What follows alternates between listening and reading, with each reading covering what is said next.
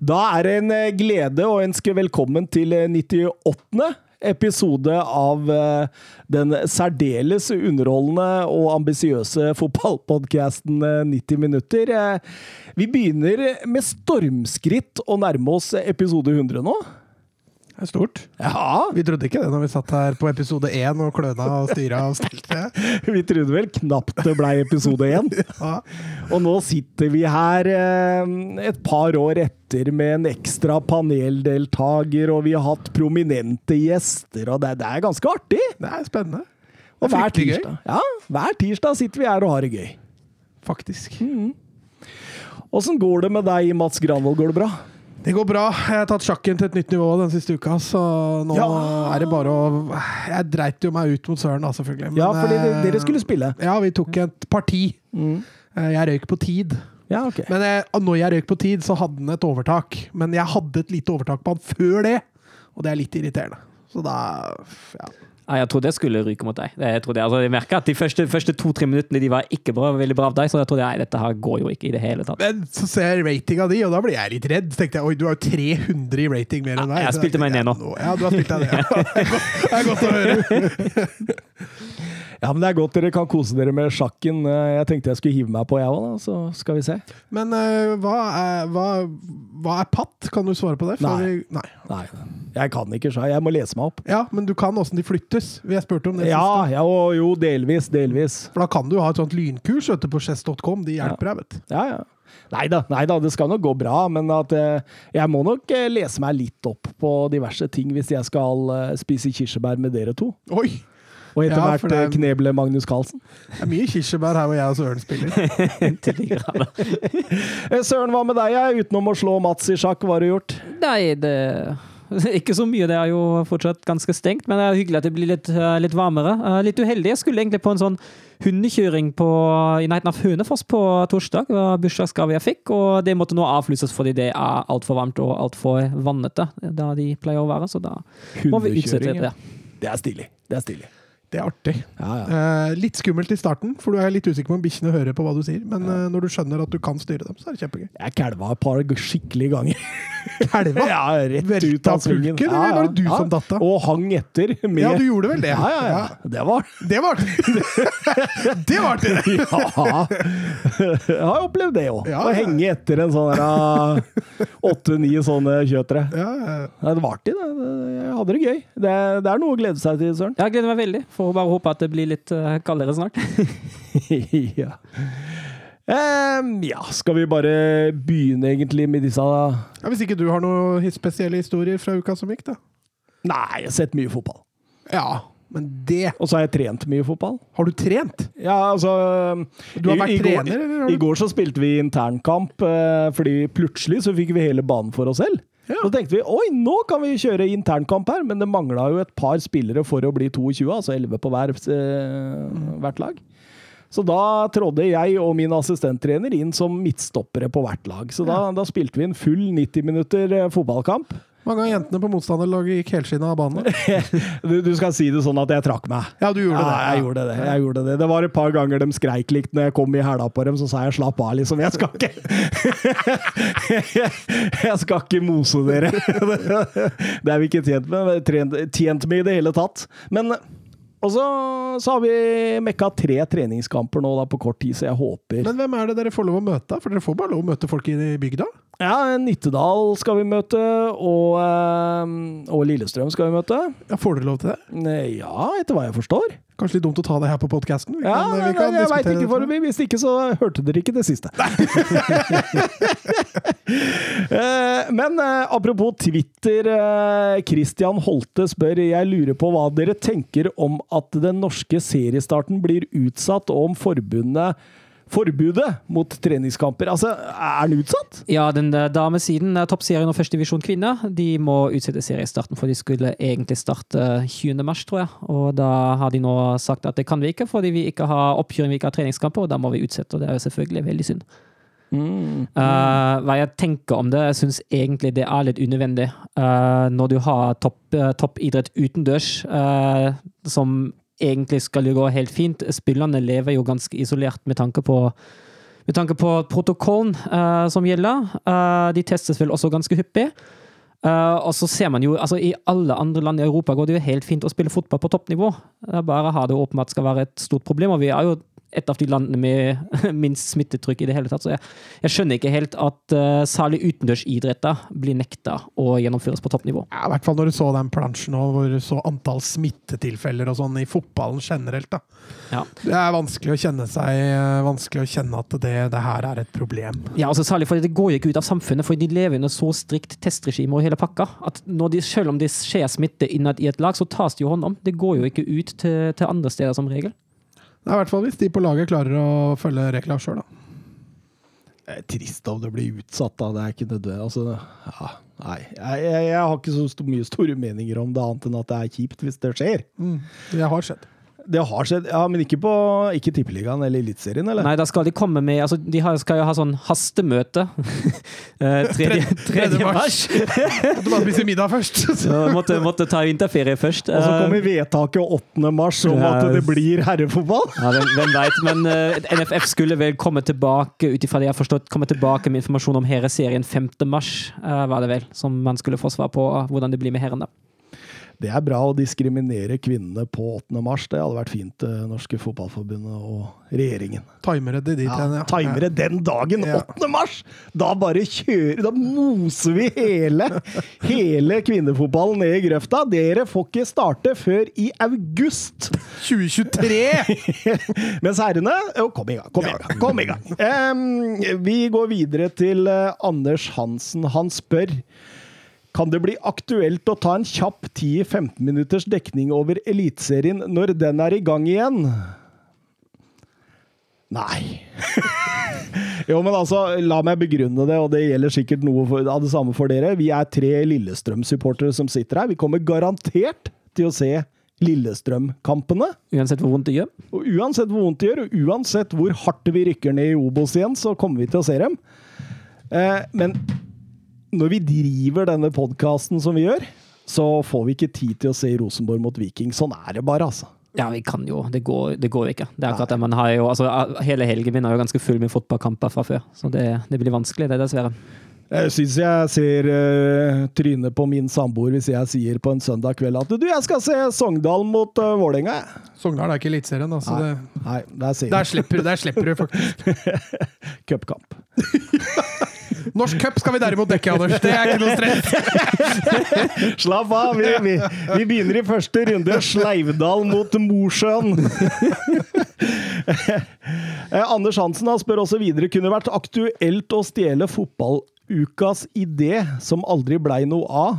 eh, Eventuelt når covid er over. Eh, Det, da tenker jeg 90 minutter pod sitt cruise med de ivrigste, kranglete og kjærlighetsfulle lytterne. Da har vi til og med en hatefull paneldeltaker som kan oversette for oss i Kiel. Ja, må det være Tyskland-båten? Kan det jeg kan være dansk, for da kan du oversette, kan du ikke det? eh, Jo, ellers har jeg svær båt på hytta, da. Ja! Så vi inviterer til hyttekalas. 90 minutters hyttekalas. Ja, ute på sjøen, ja. Ja, Det er deilig. Men det er jo deilig. på plass til sånn sju-åtte, da, så da ja, må vi men jo da har plukke vi ut favorittene. lytter, av- nå. Cruise rundt ute på Sakstursjøen, ja. Jeg, jeg, jeg tenker jo at fotballuka får være fotballuka sin idé, ja, da, men at vi kan gjøre noe sånn tur til Bahamas eller noe sånt. Vi skaper noe eget, ja. Vi gjør noe helt eget. Men, men eh, i og for seg så hadde jo et cruise til Kiel det hadde vært gøy. Det hadde vært skikkelig gøy. Ja. Den er jo fryktelig fin, eh, fryktelig fin å ta den båten der, og Kiel er jo en veldig ålreit by å oppholde seg i. Ja, jeg kan godt oversette det, det går helt fint. Du Eh, gjør det? Ja, men da har jeg en setning. Da har jeg en setning, Søren. Ja. Fem øl og fem jeger, takk. Äh, fünf Bier und fünf Jägermeister, bitte. Ja, altså Nei, Mats, ikke hopp over bord. Vi har Smirnov på lugaren. Nein, Mats, nicht vom Bord, nicht vom Bord springen, wir haben äh, Smirnov in der Kabine. Det er deilig, Mats. Det er en setning som kan skje hvis vi skulle dratt om bord. Men, men eh, Anders, vi satser på en tur til Bahamas. Eh, de ti vakre spørsmål. Ja, jeg sov en time på Øystad, så jeg overlater denne seieren her til Søren. Ja, men da har du hvilt deg i form. Jo, men jeg, da er jeg trøtt. Det går saktere. Og Søren, du var ikke særlig positivt, duell? Nei, jeg tror Mats tar den her, ja. Ja, ja, men det, det, da har vi bare én eneste måte å finne det ut på. Det er å starte quizen, og vi begynner i oppvarmingsrunden. Champions League-finaler. Mats, du får spørsmål om Real Madrid mot Atletico Madrid i 2016. Og Søren får spørsmål om Bayern München mot Borussia Dortmund fra 2013. Mats, spørsmål én. Hvor blei kampen spilt? Nei, det blir å tippe, altså. Eh, Wembley. Det er feil. Det er San Siro i Milano. Søren, hvor blei kampen spilt? Det var på Wembley. Det var på Wembley. Der, der hadde Søren eh, kontroll. Uh, nummer to. Mats, nevn én av målskårerne i kampen. Uh, Ramos. Ja, riktig. Kunne du sagt den andre òg? Uh, nei, for jeg er litt uklar på den skåringa. Jo, det var ikke han stopperen, da? Godin? Nei da. Det var Janni Carasco. Carrasco. Uh, Søren, nevn en av målskårerne for Bayern München. Arjen Robben. Ja. Jeg kunne jo fått den her, jeg òg! Mats, spørsmål nummer tre. Hvem bommet på det avgjørende straffesparket i straffesparkkonkurransen? Herregud, det husker jeg ikke. Eh, da får vi tippe på Kåke. Det var Juan Fran. Ja, det var jo selvfølgelig Søren, hvilken spiller skåret på straffespark i det 68. minutt? Ilkay Gundogan. Å, søren! Her er det stålkontroll. 3-1 til deg, og dermed får du det poenget, Søren. Spørsmål nummer to, og da skal vi over til en såkalt eh, annenhver gang. Eh, Sovjet vant det første EM-sluttspillet i 1960 med legenden Lev Yashin mellom stengene. Etter det har det blitt arrangert 14 EM-sluttspill. Jeg ønsker meg navnene på de 17 mestskårende spillere i turneringens historie, og jeg legger ved et hint.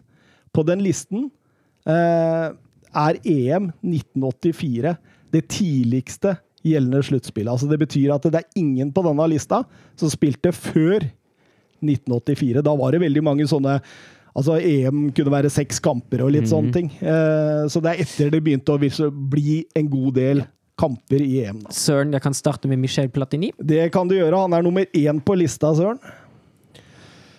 Topp 17? Ja, Så du har litt å gå på. Eh, Den som skårte minst mål på lista her, som har skåret minst EM-mål, han har skåret fem, så skjønner du. Ja, men Alan Shearer, da. Alan Shearer, han er nummer tre på lista, helt riktig. Gary Lineker. Er jeg ute allerede? Vent litt, jeg må google. Nei, nei, vet du hva, da er vi ute, Søren. Ja, det gikk fort. Jeg var ganske tom sjøl. Grismann hadde vært med. Grismann. Ja, Fernando Torres var sikkert også med. Torres hadde vært med. Ronaldo er selvfølgelig Ja. med. Ruud van Nistelrooy, du har Ari, du har Rooney. Du har Milan Barros, Mario Gomez, Jørgen Klinsmann, Zinedine Zidane. Men da ble det 1-1, og det er jo gøy. Da blir det jevnt. Spørsmål nummer tre. Hvilken spiller, og jeg leser klubbene i kronologisk rekkefølge. Toulon, RC Paris, Brest, Paris Saint-Germain, Newcastle, Tottenham, Aston Villa Mats. Nei! Nei! Å oh, nei. Åh, jeg tenkte jo bare den linken der. Det er jo ikke han. Eh, som franskmann som gikk til Tottenham. Nei, eh, da veit jeg faktisk ikke. Jeg hadde et par hint etterpå, men den kan jeg jo selvfølgelig da ikke. Nei, selvfølgelig ikke. Men uh, er det flere klubber? Ja, det var det, men uh, han må jo få lov å Ja, Han prøve svarte å jo nei. Han svarte nei. han svarte nei. Nei, Ja, han, det, det, det, det er ikke han. Livet av snø. Uh, nei, fader, altså. Nå ble det jo hjerneteppe òg, selvfølgelig, når jeg tok den altfor kjapt. Nei, da må jeg bare si pass. Uh, Everton etter Aston Villa. Han avslutta i Everton. Avslutter Everton. Kan du ta klubbene en gang til? Toulon, RC Paris, Brest, PSG, Newcastle, Tottenham, Aston Villa, Everton. Åh, fransk, Franskmenn i Tottenham, altså. Ja, vet du hva, det står faktisk stille. Ja, det det det, står eller? ganske stille her òg. Jeg var helt sikker på at dere skulle ta den. jeg. Jeg blir sikkert sånn Å ja! Selvfølgelig! nei, nei, herregud. Nei, veit du hva. Nå trenger vi et svar, Søren. Ja, nei, Aha, faktisk Jeg står helt stille, jeg òg. Ja, da sier vi pass på den, og så sier vi uh, Vi kan prøve hint, det ene Ja. for moro skyld. Ja? Player of the year i Premier League i 98-99. ja, det er litt for tidlig, ja. Mats! Ja. David Ginola! Ja da, ja da, ja da. Men dessverre kom den. Hadde du venta den ut, Mats, til den der, Ja. så hadde du fått den. Spørsmål nummer fire. Hvem skal ut? Fortsatt eh, Tottenham-relatert her nå. Hvilken spiller har ikke vært innom Tottenham sitt akademi? David Beckham. Peter Crouch. David James. Jamie Redknapp. Jeg er så dårlig på sånne akademispørsmål, altså. Helt fryktelig. Da må du begynne å lese deg om, for det er Thomas veldig glad i. Ja, jeg veit. Merker det. Jeg har glippet mye poeng der. Hvem har ikke vært i Tottenhams akademi? Er David Beckham? Spissen Peter Crouch? Keeperen David James, som vi mest kjenner fra Liverpool og diverse, og Jamie Redknapp, som også var vel en Liverpool-legende på 90-tallet. Jeg får bare gamble, men det er bare på en følelse jeg har, altså, for jeg har jo ikke peiling. Eh, Så jeg går for David Beckham. Det er eh, feil. Han har vært innom Tottenham-akademiet. David James. Ja da, det er riktig. Så. Keeperen? Ja, han er et Watford-produkt. Eh, ja, 2-1 til Søren. Eh, spørsmål nummer fem, og da skal vi fram til hvilken klubb. Og jeg leser en liten historie om denne klubben, og så skal dere nevne navnet på klubben så fort som mulig. Klubben ble stiftet en sommerdag i 1892, og har fått både navn og klubbfarger etter en båt som tilhørte faren til en av de fire som grunnla klubben. Klubben ble raskt markant i landet sitt. Men det var først i rundt 1910 klubben fikk internasjonal respekt, da den slo South End United i en treningskamp, da engelske fotballklubber var ansett som nærmest uslåelig på den tiden. Under eh, Det tredje riket blei klubben plassert inn i en av 16 regionalligaer. De vant sin serie i 35, 37 og 44, og i tillegg hadde bøttevis med topplasseringer jevnt over. Etter annen verdenskrig opphørte stort sett all idrett i landet. Men klubben ble regrunnlagt under navnet SG Gesundbrunnen sent i 1945, og var ett av 36 lag som kom inn i Der Oberliga. Klubben vant tre nye mesterskap i gruppe C, og ble sett på som regjerende mester når Bundesliga meldte sin entré i 1963. Klubben ble likevel sendt ned av forbundet etter 64-65 Søren. ja? Hertha BSC. ja, det er riktig, Søren. Det er riktig. Hertha BC 3-1 til Søren. Har vært litt kampfiksinger og sånt i, Ja. Og det er jo derfor, Tas, det er jo derfor Tasmania Berlin kom opp. Det var en politisk avgjørelse, for de måtte Helt absolutt ha riktig. et lag fra Berlin. Og det var jo historiens dårligste lag i Bundesliga. Helt riktig, og det var den linken jeg syntes var litt gøy når Mm. jeg leste om det, og det blei et spørsmål. Men jeg kom ikke så langt, for du var raskere med. Sterkt. Det var sterkt, Mats. Jeg hadde ikke peiling, jeg, så jeg var langt unna. Men du visste det, vi var i Bundesliga. Jeg skjønte Tyskland her. Ja, Men da hadde jeg jo en del alternativer, da. For jeg visste jo ikke noe annet. men da må du bare gjøre som meg, vet du, gamble på før han der han er Jo, men sannsynligheten var så liten, når du da må gamble på kanskje 30 klubber, da. Så da er oddsen så liten. Ja, ja. En eh, Spørsmål nummer seks er en storytell. Vår spiller vokste opp i Chileros, like ved grensen til Portugal. Her bodde han som unggutt fordi faren hans var stasjonert som eh, Guardia Civil, altså politi, i eh, byen. Han flyttet sammen med familien sin videre til Toledo da han var fire år gammel. Dette også pga. farens arbeid. Her snublet han over en fotballskole, og det var her han fant kjærligheten for spillet. Han startet i det lokale laget Club Deportivo Sonseca, der han ble oppdaget av noen speidere. Disse speiderne jobbet for Albacete, og som 17-åring ble han hentet til Albacete i 1980. 93. Jeg skulle bare sjekke teknikken der. Det er et eller annet som har skjedd. Vi måtte bare sjekke teknikken, men nå er vi tilbake med historien. Under hans første sesong i Albacete-drakten fikk han kun to innhopp i La Liga. Før han fikk sitt store gjennombrudd i 94-95-sesongen. Her skåret han fire mål ikke så mye, men han bidro til å holde Albacete oppe i La Liga med viktige skåringer. Og i sommeren 1995 ble han hentet til Real Saragossa.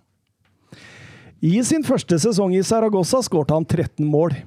Han banket inn skåringer både mot Real Madrid og Sevilla, noe som fikk folk til å sperre opp øynene for den unge angriperen. Den påfølgende sesongen ble det 15 mål, han fikk etablert seg som en pålitelig målskårer i en av verdens største ligaer. Real Madrid-trener Fabio Capello hadde lenge uttrykt begeistring for vår spiller, og sommeren 1997 byttet vår spiller ut Real Saragossa til spill for selveste Real Madrid. Vår spiller ble en suksess fra dag én.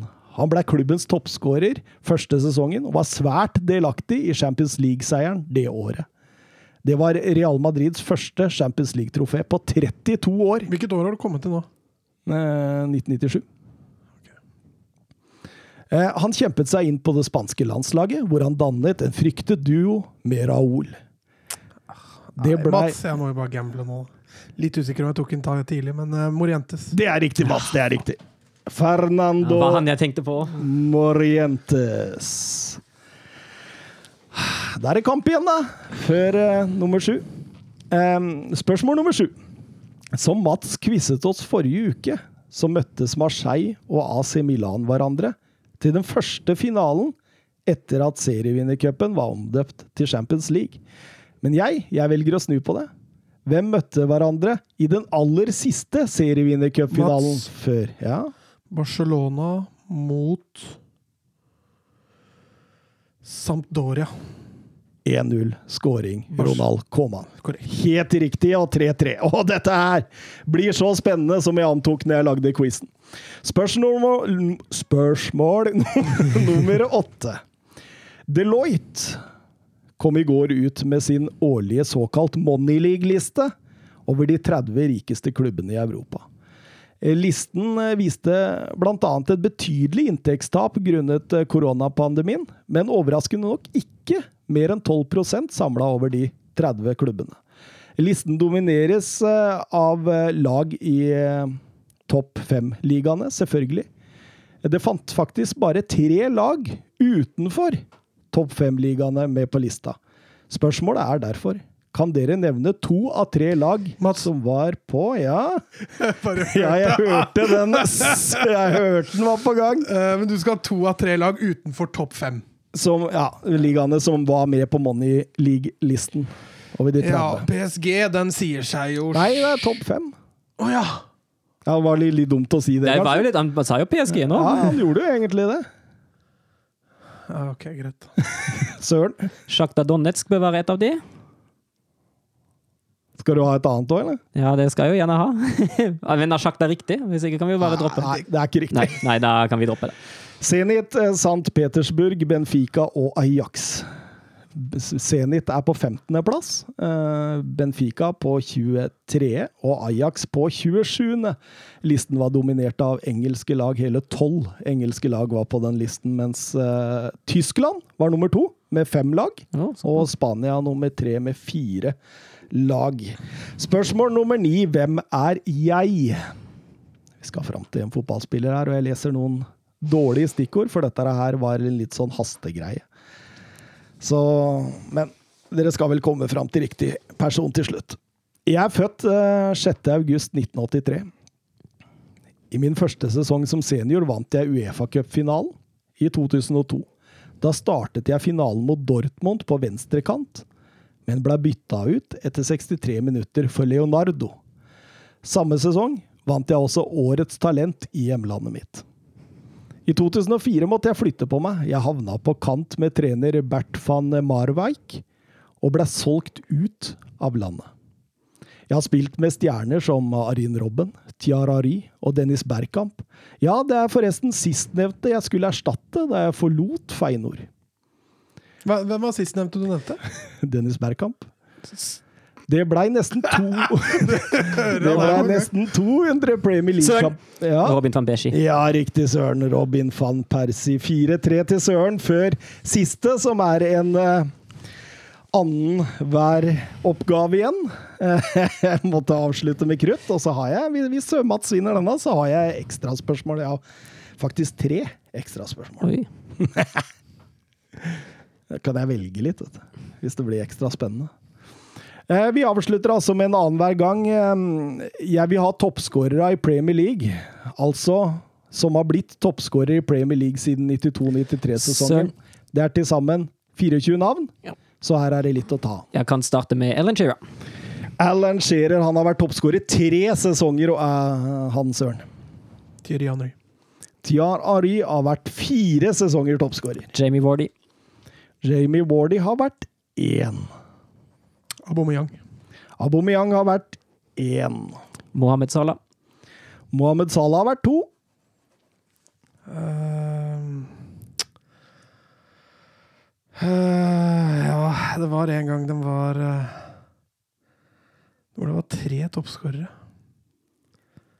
Men jeg husker jo ikke hvem Nei, jeg får bare gå for van Persie, da. Van Persie har vært to. Sergio Aguero. Sergio Aguero har vært Han har vært Ehm, Andy Cole. Andy Cole har selvfølgelig vært. Wayne Rooney. Wayne Rooney har selvfølgelig vært, tror jeg. Jo, jeg har den på lista. Han har jo vært. Må bare stole på meg sjøl. Må stole på meg sjøl. Må stole på meg sjøl. Jeg finner ikke Wayne Rooney på lista her, jeg, altså. Nei, det har han ikke vært, det. Da har han ikke vært. Ja, neste min var Harry Kane, så da Ja, og den hadde jo vært eh, Han har jo vært to ganger. Um, av de som har vært flere ganger, som dere ikke nevnte, så er det Michael Owen. Det er eh, Didier Drogba og Jimmy Floyd Hasselbank. Ellers så finner vi spillere der som Anelka og Teves og Berbatov og Suárez og Sadio Mané, Dyan Dublin, Teddy Sheringham Dyan Dublin. ja, ja, ja. Det er noen år siden. også. Men det betyr at det er 4-4. Dette var så jevnt som jeg, jeg forutså at det skulle være, og jeg har faktisk eh, tre ekstra spørsmål. Men vi må, jeg må jo velge ett av dem, da. Men jeg antok at dere kanskje visste den første. Eh, For det ble veldig mye snakka om i helga, så da tar jeg den første. Og så hvis dere svarer likt der, da, så fortsetter jeg. Eh, Liverpool har tapt fire men men jeg skjønner ikke, skal vi svare begge to nå? Begge to svarer på ark, sånn som vanlig. Okay. Det er et eh, tall vi skal fram til. Liverpool har tapt fire hjemmekamper på rad nå. Når skjedde det sist? Hvilket årstall? Ble det snakka så mye om, og Søren skriver med en gang? Fuck. Jeg vet hvor mange år siden det er, men jeg husker ikke helt årstallet. Skal du ha årstallet eller antallet? Ja, årstallet. Det blei snakka veldig mye om i, i, i, i helga. Nei, da har ikke jeg peiling.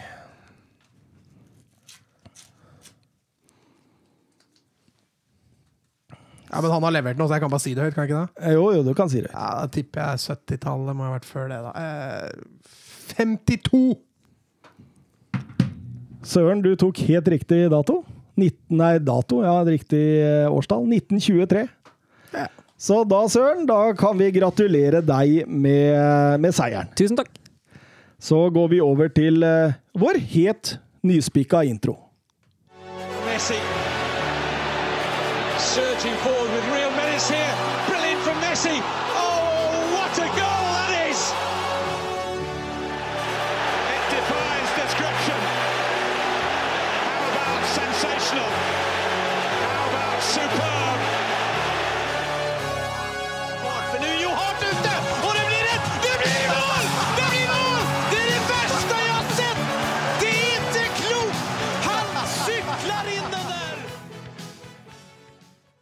Han sykler inn den der! Veit du hva jeg etterligna nå? Ja, det er målet til Zlatan. Ja, ja, målet til Zlatan. Eh, mot England var ikke det vi ble enige om. Ja. Men vi eh, velger vel å begynne i eh, Premier League, vi. I eh, Premier Leagues rike. Eh, Langstrakte, eller? langstrakte og gode. Det er jo, det er jo faktisk langstrakt, Ja, det i motsetning til La Liga. Vi begynner i, eh, i Southampton, der eh, Southampton eh, og Ralf Haselhutl tok imot Chelsea. Hva tenker vi om den kampen? Relativt rolig fra starten av, eller? Ja, det var jo det. Var jo det. Jeg syns, uh syns Chelsea skuffer litt uh, mot, uh, mot etablert i, uh, i den kampen. Jeg får ikke helt til å skape sjanser, men så skyldes at Southampton selvfølgelig er veldig gode til å forsvare seg. De. Trebekslinje? Ja, ja. Og, og, og, veldig nydelig, for de hadde satt opp én mot én, rett og slett, av de tre frontspillere til eh, Chelsea. Og, og da blir jo Chelsea veldig avhengig av eh, wingbackene sine for å doble og komme rundt. Men det, altså Alonso og Reece James, jeg syns ikke de klarte det. Nei, jeg syns ikke det heller. Og det, det jeg la meg litt merke til i første omgang, det jeg beit meg litt fast, var at Chelsea vender veldig veldig mye fra høyre til venstre, men ganske lite omvendt. Eh, Og med Alonsos én mot én og innlegg, det gikk det så som så med. Altså Alonso. OK. Vi har hylla han i mange år for å være en eh, av verdens beste ja, Kommer inn som et brak òg, da. Ja, men, men, men samtidig, altså. Når du har en Ben Shilwell utpå der Altså, jeg, jeg skjønner, OK, normalt sett best i en firer. Men det Alonso leverte i hvert fall i denne kampen, det var svakt. Men Han har jo vært bra i tidligere kampene, da. Det er jo litt eh, gærent å ta han ut bare fordi han har én dårlig kamp òg, tenker jeg, når du har hatt flere gode. Ja, men han, har- har han hatt flere gode, eller var han veldig god den første kampen han prøvde den, og så har han han stått var jo god mot Wolves, og så var han jo god når han scora det målet. Husker ikke hvem de møtte, jeg. Burnley. Burnley, ja. Uh, men jeg er enig i den kampen nå mot Southampton, så var det han. Men det, det er som Søren sier, ja, det etablerte, så Chelsea dominerer jo banen fullstendig. Altså Southampton får jo nesten ikke låne ballen. og de sliter med å komme rundt på, på kantene der, og det, det er klart også med Abraham foran i målet der, det blir jo ikke farlig vet du, med innlegg. Minamino 1-0 der. Nei, kjølig. Det er vakkert, altså. Snakk om å vente ut Aspille Coelta. Og keeper Mendy der, som også går med på den. Og da, da ble det 1-0, da. Og, og, um, overraskende god kontroll herfra ut uh, til pause nå, uh, Southampton. Ja, Minamino var første utespiller, eller første motstander som faktisk skårte på, på Tuchel, så det var jo også noe å ta med seg. Men det er, som du sier, jeg syns Southampton hadde god kontroll hele første omgang. Mm. Det var ikke mye Chelsea greide å skape, skape her. Og den Trebekslinja fikk en overraskende bra til å fungere på såpass kort tid. eh, er mulig han har hatt det litt i bakhodet lenge.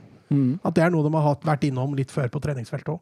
En gammel La Liga-favoritt, uh, Salisu der, som eh, kommer inn og gjør en eh, god jobb. Mm, ja, det var bra. Jeg har vel skrytt av han før. Ja, du, du jeg husker du likte den veldig godt når han spilte i La Liga. Så fikk han jo denne overgangen, og så kom skadene. Og det er jo først nå han egentlig har kommet i gang, så det blir spennende å se. De har jo noe fryktelige fysiske monstre bak der med Westergård også, som er eh, Han ser jo ut som et hus. Ja, han gjør jo det. Han er jo god i den kampen òg. Det er veldig bra. Em, men fra starten av andre så syns jeg det virker som Tusla har fått inn et par eh, ord i pausa der, og, og jeg syns Chelsea kommer bedre ut. Ja, jeg synes, òg. jeg har jo, Vi hadde jo en liten chat i pausen og hadde jo ønska meg Hatsen og Doy. Det var jo en av de to tingene jeg ønska meg i pausen fra, fra Chelsea. Og jeg fikk Hatsen og Doy. han var jo involvert i straffesparksituasjoner, men Toril var vel ikke helt fornøyd med han likevel. Nei, han bytta han ut, og, og, og slakta han nærmest etter intervjuet Ja, men. Først når han ble bytta ut, tenkte jeg han ble skada. Ja, det Ja. trodde jeg òg, for han hadde jo ikke gjort seg bort. Nei, Nei. jeg syns ikke det. Og det er, det er litt sånn, litt sånn spørsmålstegn. Altså når, man, når man har den kampen der, når Southampton er så gode til å forsvare, når man sliter så mot, eh, mot etablert altså, Hvorfor bytter man ut en kreativ spiller? Det, det skjønner jeg ikke helt. Jeg skjønner heller ikke at en eh, holder fast ved trebekslinja under hele kampen. Eh, De tre midtstopperne bak deg de ble ganske stasjonære. Du kan godt kjøre, kjøre med høye bekker og gå over til tobekslinja og heller få inn en kreativ spiller til i sentrum. Jeg skjønner ikke helt den in game-coachinga i den kampen av Torhild, altså. Jeg tenkte litt på det samme sjøl, at her hadde, han, her hadde han egentlig satt seg fast i 3-4-3, fordi jeg tror han hadde tjent litt på å bytte formasjon underveis. Ja, men han har jo lykkes bra med det tidligere. Det er mulig han venta på at det skulle løsne litt, eh, men eh, det gjorde det ikke. Jeg synes de, og, og Hudson Odoi òg. Altså, den der evnen han har én mot én, da. Når du fjerner han derfra så, altså Han bytta han vel med Siert, var det ikke det? Yep. Så du får litt samme spilleren, men da får du en venstrebeint høyrekant, og det kan vel hende han eh, var litt det han var på jakt etter. Man ville jo ikke ta ut Werner, tydeligvis. Men eh, Chelsea fikk i hvert fall uh, utligninga si når uh, Danny Ings litt klønete tar Mason Mount. Ja, Spiss i egen 16-meter. Det har vi hatt før. Var ikke noe særlig protester heller. Nei da, og Mount setter den uh, greit. Mount ser jo ut som å Virker som å være the go to-spiller for Tussel framover, altså. Det er, det, er, det er han han stoler på. Mm. Ja, han har vært knallbra. Han var jo bra under Lampard òg. Uh, nå er vel ikke Havertz vært skadefri, så han, uh, så han uh, får ikke fått noe ordentlig konkurranse ennå. Men jeg skjønner ikke hvordan han skal miste plassen. Altså. Så bra som han er nå. Nei, det er, det er enormt. Det blir spennende å se om han greier å få plass til Havertz. Ja, altså, Ikke minst så tenker jeg også det, det pågår jo en debatt i England nå om at hvem av disse superstjernene, unge, offensive midtbanespillere skal få sjansen for Saltgate? Hvem skal få lov å, å inn der? Fordi altså nå Det er vel egentlig Mason Mount, uh, James Madison, uh, Phil Foden og Jack Grealish som kjemper om én og samme plass. Det er et voldsomt luksusproblem. Ja, altså Med tanke på hvor du har på de andre plassene, da, så er det jo ikke så stort luksusproblem igjen. Jeg håper bare ikke Sasken går på den smellen de gjorde når de kjørte tre like, klin like midtbanespillere inn på samme posisjon. eh, Når var det? Det var vel i Gerard Lampard og Scholes. Scholes, ja. At han ikke går på den smellen. eh, Men, Det er prisene da. Det er det. Det høres, høres ut som en bra midtbane. Men eh, likevel, eh, Chelsea produserer lite, og det er jo egentlig Southampton som er den største sjansen når eh, Westergård får hedda i tverrleggeren der etter 70. Ja. Og eh, jeg syns eh, Chelsea lider litt av Altså, nå stilte de med en sentral midtbane med Kanté og Kovacic. Og jeg tenker- Kovacic har jo også vært bra. Ja, vært, vært veldig bra. Men de to sammen Kanskje litt lite kreativitet? Ja, jeg, så i hvert fall sånn ut nå mot, uh, mot Southam. Altså derfor jeg hadde ønska meg at han gikk over til en firebackslinje og fikk en til kreativt der. At man, uh, man får litt, uh, litt mer rett og slett, ja, kreativitet og spilleglede inn der. Folk som kan produsere noe. Han Altså, har jo, han har altså spillere på benken. løp, altså. Ja, ja. Fordi begge to ble stående altså det, det var ikke veldig mange løp inn i boks fra de to. Nei, det er jo sittende, det er litt sånn Arsenal-problem. Altså, de, er, de er dype, og de har klare oppgaver. Um, men dette var vi litt innom Lampard òg. Og det å tørre å sette på én offensiv til når du møter antatt svakere lag. Ja. Det ble 1-1, og da gikk Tussel på eh, sitt andre poengtap. Det var vel eh, også et poengtap mot Wolverhampton i hans første kamp. Eh, vi skal over til hovedkampen vår, vi som blei Den blei artig! Liverpool-Everton. Ja. Eh, det var det 236. Mercyside-oppgjøret. Liverpool har eh, vunnet til 93, mens Everton 67. Første møte dateres helt tilbake til 13. oktober 1894, så dette er historisk sus over. Eh, Kan dere tippe hvem som vant, da? Everton. Ja, 3-0. Eh, Duncan Ferguson skal også. ja! Tipp-tipp-tippoldefaren til Duncan Ferguson. Han satte tre kasser, han, Mats. Eh, Liverpool eh, et eksepsjonelt godt tak på Everton i nyere tid. Siste 24 kampene har endt med 11 Liverpool-seire, 12 uavgjort og 1 Everton-seier. Og Everton har ikke vunnet på Anfield siden 1999. Tilsvarende sist sesong 5-2 til Liverpool. Motsatte Motsatt oppgjør denne sesongen, 2-2. Vi husker jo den. Van Dijk-skaden og Rikarlisson røde kortet, og der skjedde det mye. Eh, la vi merke til noe ved, ved lagene, gutta? Ja, Kabak var jo tilbake ved siden av Fenderson. Det var kanskje ikke så overraskende. Det var jo ikke så mye, så mye annet, å, annet å velge mellom. Det er snart gartneren som får tilbud om å sitte på benken der som midtstopper, liksom. Eh, Men Everton var jo, var jo litt spennende, da. Det var jo eh, litt spennende å se hvordan de skulle eh, utfolde seg på banen med både Ding og Coleman og Godfrey, Keane og Holgate. Det kunne jo lukte litt, lukte litt fembeckslinje. Og det blei det jo også når de lå lavt. Ja. Jeg syns det også var veldig spennende å se hvordan, hvordan skulle Hames Rodriguez sin rolle gli inn i dette. Men det var en vaskeekt tierrolle, det. Og det, Han var litt fri, ja, og, og, og det passer han jo som hånd i hanske. men det var i Charlison offensivt òg. Han også fikk vandre ganske fritt offensivt. Firmino spilte sin 200. Premier League-kamp. eh, Heter det- eh, Richarlison eller Richarlison? Richarlison, tror jeg. Jeg bare Jeg hører det er flere av kommentatorene Ja. som sier Richarlison. Tror ikke det er så viktig. Uh, en ting som er verre, det er de som sier Firminio. Den syns jeg er verre. Det er ikke noe H der, liksom? Nei, nei, han heter jo Firmino. Ja, okay. Og Firmino han spilte sin eh, 200 Premier League-kamp. Det er den femte brasilianeren som eh, når det tallet i Premier League. Eh, Har dere de fire andre? Eh, brasilianer? Kan jeg svare nei? Eh, Kan jeg gjette på David Louise? Ja, riktig. Han ligger på fjerdeplass med 207. Åh, så begynner det å stå litt stille allerede, altså. Si litt uh, Gi litt hint, da. Han ene sitter på benken for Arsenal for tida. William. Ja, han har mest. 252. Og så er det en gammel Liverpool-spiller som spiller i eh, Lazio nå. Uh, en brasilianer. Midtbanespiller med litt lengre lyst hår. Lucas Leiva. Ja, han er nummer to. Og så har vi en eh, som begynner å, å dale litt i Manchester City nå, men så Ja, får litt kamper i ny og ne. Ja, Fernandinho. han var inne igjen nå og gjorde det bra. Ja, men, men kampen da, gutta, det, det starter jo med et smell. Det starter med et smell. Altså, du ser, det, det første jeg tenkte, det er at Kabak lager det hjørnesparket der etter 37 sekunder. Herregud, dette her blir ustødig.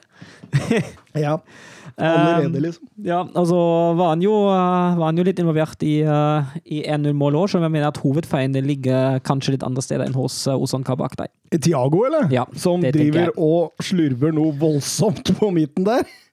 Er Kjapt oppfatta også, den gjennombruddspasningen der, og Richarlison Altså, den er vekta helt nydelig.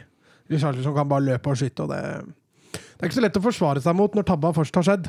Nei, absolutt. eh, absolutt Hames Rodriges Rodriguez der som bare trer. Trer hva, hva er det som skjer? Du blør litt i panna. Gjør jeg? Ja. Ja, men det er jo ikke noe å stoppe en podkast for. Ja, da var blodet stoppa, vi kan fortsette. Jeg lurer på om det var mikrofonen som har gjort det, eller det stativet her. Ja, du blir fort engasjert, altså. Ja, jeg sitter her og rister, vet du. Nå ble litt kraftigere enn et Mandalsnuss, den mikrofonen fikk der. Eh, Men eh, hvor var vi? Nei, vi var vel på 1-0. Ja, 1-0, ja. Ja. Eh, forferdelig godt vekta pasning av Hammes Rodriguez til Carlisson der. Som Ja, bare- altså, ja, Kjapt oppfatta av både, både Richarlison også, eh, som drar inn bak der. Og, og avslutninga er det jo ingenting å si på. Eh, Alison rekker jo aldri ned på den. Og da leda Everton 1-0, og jeg syns eh, Liverpool åpna veldig passivt. Veldig slurvete. Veldig liksom Det, det virka nesten Ja, sånn som de kom inn med litt sånn høye skuldre, og at uh, det, De virka nesten litt sånn redd, altså. Ja, de, de gjorde det, altså går det, jo, går det jo veldig imot dem. òg. det har jo veldig mye å si når du har, er inne i en dårlig periode, og så har du en kamp som, uh, som uten tvil er viktig, og så får du den starten der. Da får du fort høye skuldre. Og når, når, man passerer sånn 15 minutter, da, så er jo det eneste Liverpool har hatt, egentlig, det er jo en overgang. Eh, mulighet er eh, Firmino er det vel, og Jones. Men ellers så er det jo ikke noe å snakke om, egentlig. Nei, men man kan jo berømme litt, eh, litt det Everton gjør mot, uh, mot Liverpool, det Ancelotti, det knepet han har lagt seg på der, med uh, særlig Seamus Coleman på høyresida. Uh, han varierer jo veldig mellom å være uh, back og midtbanespiller, eh, og det skyldes jo at han følger egentlig Robertsen der han går. Han har jo satt, av, har satt frimerke på Robertsen, og da hindrer, Everton Liverpool veldig effektivt i å slå de vanlige vendinger, og da har Liverpool eh, en del ball, men eh, veldig lite ideer hva å gjøre med det. Altså artig, når han går helt opp på Robertsen der, så trekker Mason eh, Holgate ut som høyreback.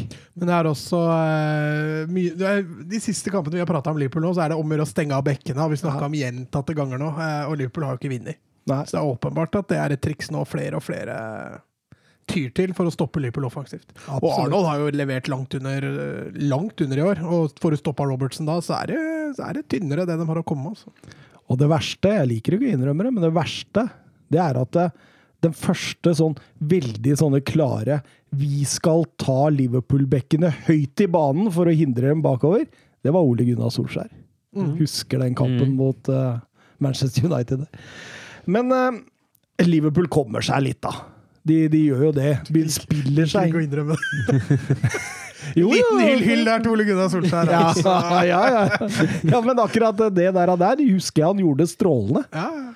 Så han, han har noen taktiske eh, klokskaper, denne Men, men vi kan jo gjemme oss bak at han sitter jo ikke der aleine og kokkelerer, sånn som jeg tror Guardiola gjør. Ja, Jeg tror. Solskjær har Nick Phelan eh, Mike, Mike Phelan.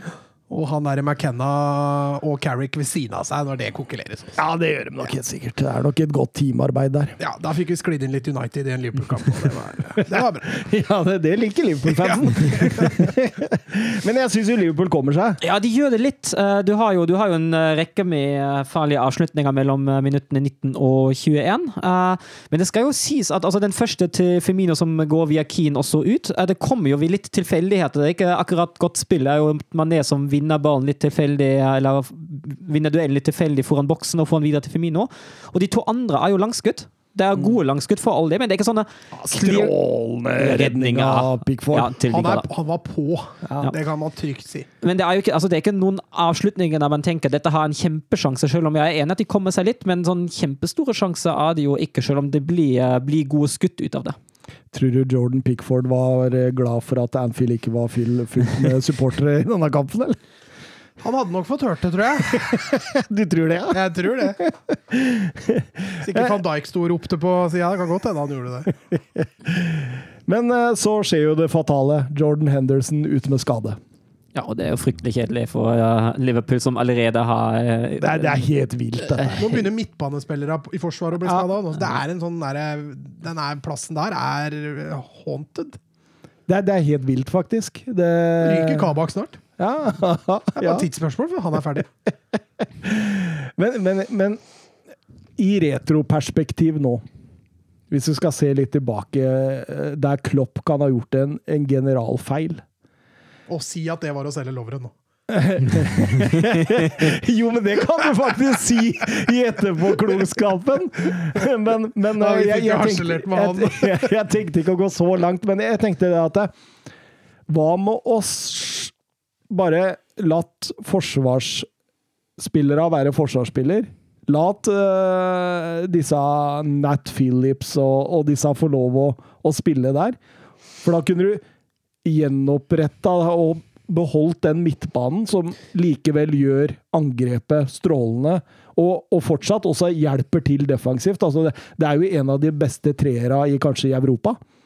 Men når du da får Fabinho ned Fabinho har vært strålende forresten som stopper, men når du får Fabinho ned, når du får Henderson ned, så, så ødelegger du også ett ledd til. Du, du ødelegger ikke bare ett, du ødelegger to. Og, og, og som igjen gir store virkninger til det tredje leddet. Så jeg tenker kanskje at hvis Klopp da hadde fått muligheten altså det er Vanskelig og, og veldig lett å være etterpåklok, men hvis han hadde fått muligheten, så tror jeg kanskje han ville gått den veien. Ja, og så hadde jo spørs eh, Jeg er enig at eh, Jeg er veldig enig i tankegang, men det er jo spørs hvis du lar midtbanen uberørt og bare ødelegge, ødelegge ett ledd, men ødelegge det leddet da fullstendig. Altså Hvis kvalitetsforskjellen blir da såpass stor at det ikke er noe gevinst der heller. Det er jo en vanskelig, en veldig veldig vanskelig vurdering for en trener å ta, selvfølgelig. Ja, det er jo totalbildet her som Klopp sikkert har tatt en avgjørelse på. At eh, vi svekker midtbanen litt, men vi forsterker i hvert fall forsvaret litt. da.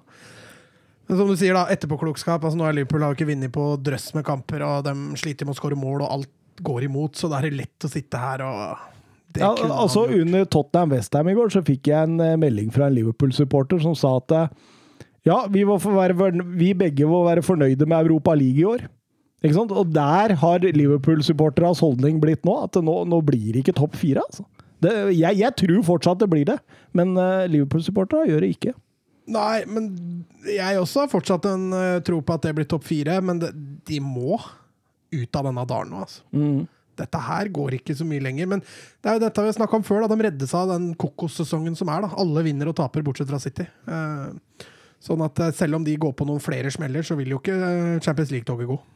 Sånn sett begynner jo det der av margin, hvem vinner med mest margin, og ser stygt ut for Søren igjen nå. Nei, det begynner med å se stygt ut for oss alle når det blir England deres, har vi Tyskland. Plutselig blir det Ja, For den marginen i Spania har jo krympa ja, veldig. Men den i Tyskland har jo krympet i hvert fall ganske Ja, kraftig, den det nå. har også krympet. Eh, 32 minutter, Simus Coleman-sjansen der, eh, back to back, når eh, Dign slår et fantastisk innlegg der. Der skal Simus Coleman sette 0-2. Ja, det skal han. For all del godt, godt redda av, av Alison. Men ja, den, den skal jo Var er det så godt redda? Rett på, er det ikke? Ja, jo da, jo da, det var jo det. Han må stå der. Ja. Ja, altså, han må jo løfte armen, da. Det er det han må. Men jeg er jo helt enig med deg. Hvis det var en spiss i forsvaret i stab og ings, så er det i hvert fall en bekk i angrep nå, da, som, Ja. Eh, som ødelegger det der. Og så senker tempoet i kampen seg litt. Everton blir veldig gode i presspillet. De er veldig kompakte. og Liverpool får mye ball, men sliter rett og slett mot etablert.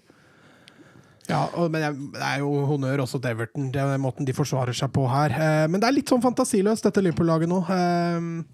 Sala, og du snakka om det defensive og midtbanen, men eh, det offensive det det er ikke i form i det hele tatt. Du ser det stemmer ikke kombinasjonsspillet. Eh, der Mané fikk med seg kula og skøyt mål i fjor, så, så får du ikke engang med seg kula nå, ikke sant. Så En ting, er, en ting er, er spillere som er borte, men det marginale, det margi, marginene er jo også imot dem, ikke sant. Ja, det er ikke Man merker det veldig godt når et lag er i motgang og medgang. Det, det, det blir stolpe inn, stolpe ut, og det, det er de tilfeldighetene innimellom som også snur vonde trender til gode trender. jeg, Du jeg, snakker av erfaring. jeg gjør jo det. Jeg gjør det. Nå er det veldig imot igjen, og, og tidligere var det veldig inn. Så, det, så, så sånn går det. Men eh, det går til pause med 0-1, og eh, Liverpool jeg syns det kommer ut bedre. Det er åpenbart at Klopp har gått til både Trent Alexander Arnold og Robertson og sagt nå nå må vi ha hjelp av dere for å, for å rett og slett eh, tre gjennom dette Everton-laget. Vi må få dere høyere i banen. Vi må få dere til å spille raskere og spille vendinger fortere. Og, og jeg syns jo både Robertson og Trent Alexander Arnold er vesentlig mye bedre fra første sparka i annen omgang. Jeg la merke til Klopp skjelte ut Trent Alexander Arnold der. Det så sånn ut. Ja, jeg også Ja. syns at han fikk så øra flagra ned på sida der, altså. Ja, og en annen ting eh, Klopp gjør da etter pausen, det er jo at eh, Sadio Mané han får jo en veldig fri rolle. Han vandrer veldig mye, veldig mye ut på høyre kant, og det er jo, eh, er jo da en åpenbar plan om å overloade denne, høyre, denne venstresida til, til Everton ganske kraftig. Det tres litt mer gjennom da enn at det slås litt sånn fantasiløst høyt inn i boksen. Jeg tror hele planen der var med å liksom på en måte vende raskt ut på venstre igjen, og så få den vendinga der. Men Everton står igjen perfekt, og jeg synes de valga Seamus Coleman tar også defensivt, da, og, og ikke minst Holgate, syns jeg er rett og slett strålende hvordan de løser det. altså. Virkelig. Det, det, det er Angelotti masterclass, det greiene her. Ja, jeg synes han, han kommer jo fryktelig godt ut av dette her. eh, Men samtidig, da, han møter et Liverpool-lag. Et fantasiløst Liverpool-lag. Ja, Det er ikke sikkert dette hadde holdt i fjor, altså. Det tror jeg ikke. Det tror jeg ikke, fordi det er mye som mangler der. Eh, eh, skal vi nevne at Salah falt bare han følte en finger der? Sånn, da har vi gjort det. Ja. Da har han fått den oppmerksomheten han ville ha. Det begynner å bli mye på den nå. Ja, Vi har nevnt den tre episoder på rad. Ja, mer, altså, skjønner hvor mer desperat han blir, jo lettere faller han egentlig. Men eh, Everton gjør et par bytter, eller gjør i hvert fall eh, ett bytte. De tar ut Hames. Han orka ikke mer, tror jeg. Nei, og så handler det jo litt om at Everton slår så utrolig mye langt, og alt havner jo hos eh, midtstopperne til Liverpool. Å få litt luftstyrke i eh, Calvert Lewin opp der, det tror jeg ikke var så dumt, altså. Sammen med Gylfi kom Calvert Lewin inn, og han var sulten, han Mats. Hvem var han da? Eh, Calvert Lewin. Ja, han var faktisk knallbra. Og du så de fikk noe helt annet å bryne seg på offensivt der. Eh, Richarlison fortsatte jo å vandre mye, men, men Calvert Lewin ble det naturlige oppspillspunktet. Og, og både Kabak og ikke minst Philip sleit altså, med å håndtere han både feilvendt og rettvendt. Så har vi Salah-sjansen, da. Kommer litt for nær Pickford der. Det, det kunne stått 1-1 der, Kunne altså. stått 1-1, og det var jo en av de, virkelig, av de få virkelig virkelig gode Liverpool-angrepene i den kampen. der, ja, Strålende spilt. Eh, og også berømmelse til Pickford, der, som gjør en god jobb og leser situasjonen og oppfatter situasjonen kjapt nok. Men, men i denne perioden så føler jeg, Mats, at det, det er ikke så langt unna 1-1 nå. Nei, altså de er veldig nære. Men sånn har det vært med Liverpool i mange kamper nå. De er veldig nære. Og, og så hvis kombinasjonsspillet sitter, da, så er det gjerne at de bommer aleine med keeper. Og hvis ikke kombinasjonsspillet sitter, ja, da blir det jo brutt før, selvfølgelig. Så de har de, de kunne fint ha fått med seg et mål i den kampen her. Altså. De hadde kanskje fortjent det òg. Ja, jeg syns det. Sånn jevnt over. At altså eh, Jeg ville ikke gravd meg totalt ned hvis jeg var Liverpool-supporter. fordi jeg syns også i forrige kamp så var det jo 70 minutter bra. Ja, det har vi sagt nå i eh, tre episoder ja. på rad. Men det- det- det- I det er 70 minutter var det bra! Ja, men det er akkurat som at det skjer et eller annet, da. Altså, øh, at det, det, det, det må jo Kan det ligge mentalt, søren? Det kan jo selvfølgelig det. Uh, det er jo Litt mentalt. Ja. Altså Når du har tapt eh, fire kamper på rad, så, så, og du slipper inn mål etter Ja. to minutter, så, så gjør det et eller annet oppi huet. Men eh, Liverpool reiste seg egentlig ganske bra i den kampen her, og burde helt klart ha redusert til 1-1. 80 minutter, straffespark til Everton. Et par på Twitter her. Sander Midtstuen, var det virkelig staffet til Calvert Lewin? Ser ut som han løper i Trent. Og eh, supersub Sivert. Straffe til Donald Calvert Lewin? Klarer ikke å se hva Trent gjør der. Eh, og hva er vitsen med å gå bort på skjerm hvis du ikke skal se på situasjonen engang?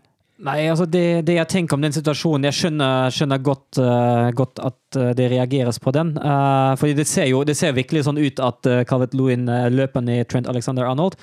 jeg tror det som feller Arnold i den situasjonen, det er at han faktisk løfter hodet, og da får kontakt med Calvert Lewin og har en bevegelse mot mot Calvert Lewin. Hadde han bare ligget og ikke løfta hodet, Calvert Lewin hadde hoppa over ham, greit nok, men Calvert Lewin er er jo gjennom på, på åpent mål, og han driver bare pirker han pirker han inn. Og den, hvis ikke det, det hadde vært for den bevegelsen, greit nok, men han har den bevegelsen, og det er fryktelig uheldig, fordi det er på ingen måte tilsiktet. Jeg tror ikke han vet at uh, Calvert er bak ham engang. Det er en naturlig bevegelse å reise seg opp, men da støter han i Kavetluin, og da blir det straffespark. Men, men du, hvis du var dommer, hadde du dømt for det?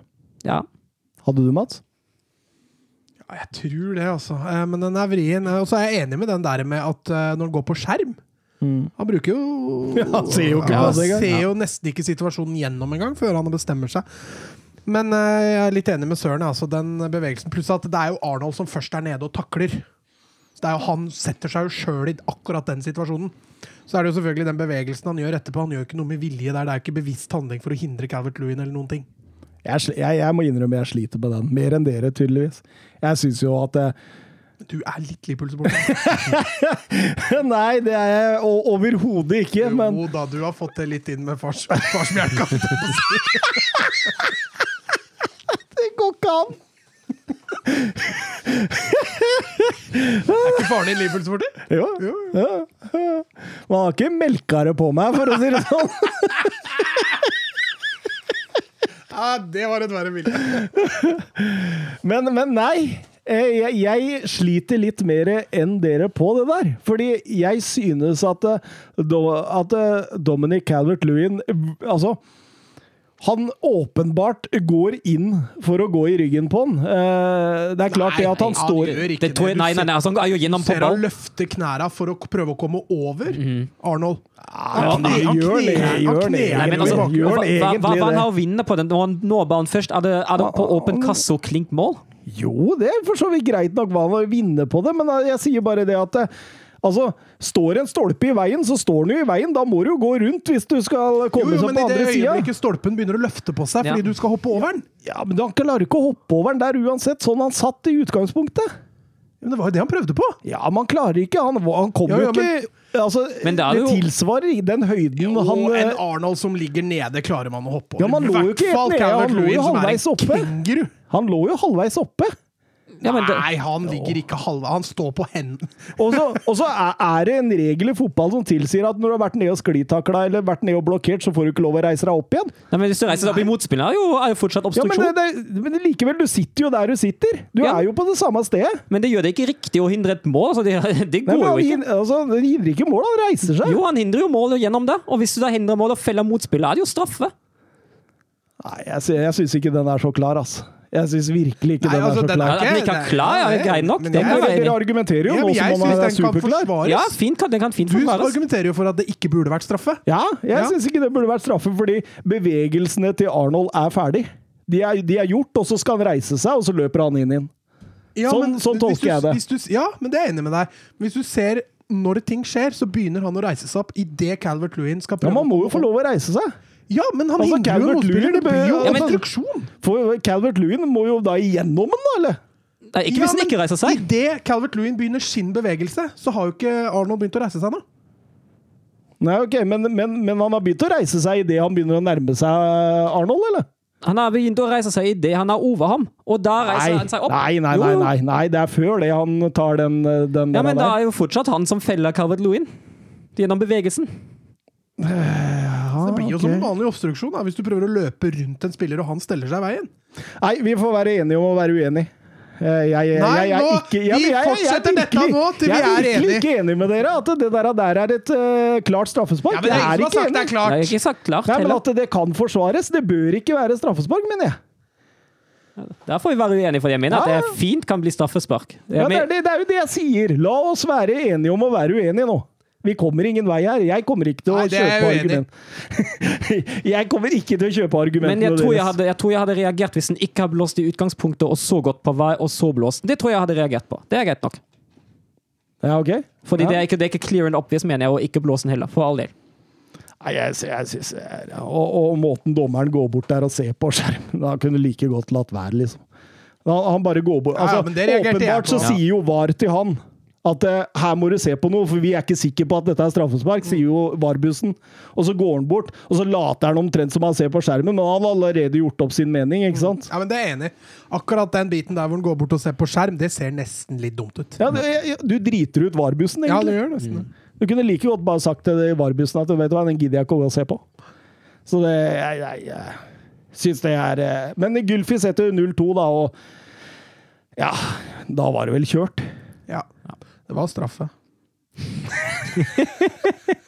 Siste ordet. Skal du ha siste ordet? Ja, det siste ordet der. Ja, ja, du skal få lov til det. Jeg, altså, det, det, det, er ikke, det er ikke sånn at jeg brenner for å kjempe for Liverpool-supporterne sin sak, men jeg synes den var billig.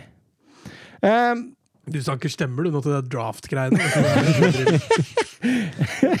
Ja, jeg vant forresten Bundesligaen etter å ha valgt sist. Ja, og det det- tror jeg er en strålende taktikk av meg, det jeg fant ut der underveis. Det blir useriøst. Vi bare Dårligste pumper på med Premier League-spillere isteden. Ja. Nei, gå videre. Um, ja, nei, Liverpool forsøker jo uh, å, å komme tilbake igjen, men det klarer ikke. Firmino har en sjanse der. Mané prøver å filme seg til straffespark som bare ser dumt ut. Ja, det gjør jo det. Ja, ja, ja, det er fryktelig. Får en liten hånd der og faller jo som en flue. Det er jo Kunne vært med på vår Hollywood Eleven, både Salah ja, og Mané, definitivt. De faktisk. de sitter på benken og stiller sterkt der. Det er jo en åpen plass i stoppeplassen der til Fostervoll. Vi kan jo dytte inn Sala der. Ja, vi gjør det. Um, resultattips. Ja, det gikk jo veien. Ja. Alle nullpoeng. Er det første gang, eller? Jeg tror det. Nei. Eller? Ja, det er kanskje første gang jeg får null poeng. Så stygg du er. Jeg vet. Um, ja, banens beste, Søren. Skal jeg starte igjen? Ja. Ja, det er greit. Eh, jeg gir tre til faktisk Jordan Pickford. Jeg syns han, er- han spiller en feilfri og strålende kamp. Jeg synes han, han, han flere virkelig fremragende redninger, og Ove så jo ham eh, sist med tanke på det overfallet mot, eh, mot van Dijk, og da kan han få de tre poeng da. Og så var det jo mange å ta defensivt for Everton, syns jeg, men jeg har bestemt meg da for å gi to til, eh, til Michael Keane. Eh, han eh, blokker i de avgjørende situasjonene. Han er veldig til stede, selv om jeg like så godt kunne kanskje ha valgt både Holgate og Coleman, som jeg syns spiller en, eh, en bra kamp, de òg. Og så gir jeg én til uh, Richarlison, som eh, skaper mye av det offensive Liverpool har. Deilig, Mats. Ja, det ble jo Everton defensivt som utprega seg litt her. Selv om Liverpool styrte mye av kampen, så, så var det det defensive hos Everton som var, eh, var fremtredende. Jeg gir tre til Holgate. Jeg syns han eh, håndterer Robertsen på en strålende måte når Coleman ikke er der, samtidig som han er Ligger ofte veldig godt plassert uh, i forhold til avstander til både stoppemakker, men også til Coleman når han er back. Se når Liverpool vrir spillet der, og så se Ja, ja. forskjellen på Holgate og van Bissaka, som Ja. han har opptredd i de Det, situasjonene. er, det var noe helt annet. Han, han, han aleine i store perioder nøytraliserer jo den Robertsen-trusselen. Eh, så jeg to til Coleman. Eh, strålende toveisspiller. Burde hatt et mål. Det kanskje burde trekke litt, men eh, er med på å nøytralisere den venstresida til Liverpool sammen med Holgate. Jeg sliter jo alltid med å dytte inn en keeper, jeg da, men Pickford får rett. Altså. Han var fantastisk, altså. Ja. Og gjør et par strålende redninger. Jeg vurderte også sterkt Tom Davies. Jeg syns han er strålende på midten. Det var bra du nevnte han siste, for det, han har jeg på mine, min liste. Ja, ikke sant? Eh, Michael Keane, nå, han får trepoengeren av meg. Jeg syns han eh, Det han leverer i duellspill og, og måten han har kontroll der inne og Du ser det er han også som styrer linja. Eh, gjør det på en strålende måte. Eh, Gammel United? Ja, eh, vokst opp Nei, i United. United. Eh, Tom Davies får to eh, av meg. Han vinner faktisk midtbanekrigen. Han, ja, fordi Dokoré er ikke god. Så dette her tar han på egen kappa. Så Og han, Gomez må han jo bytte ut tidlig òg, pga. Ja, det gule kortet der. Så. og hvor mange meter han løp i den kampen der, det det, det tror jeg. Det har vært interessant å sett. Eh, Mason Holgate får eh, ett poeng av meg også. Han uh, syns jeg var strålende, og det er jo som Mats sier, eh, det er jo defensivt Everton vinner denne kampen. Ja. Eh, Oskar Carveio Holm på Twitter, sier jeg det rett, Mats? Du er kjempeflink, Thomas.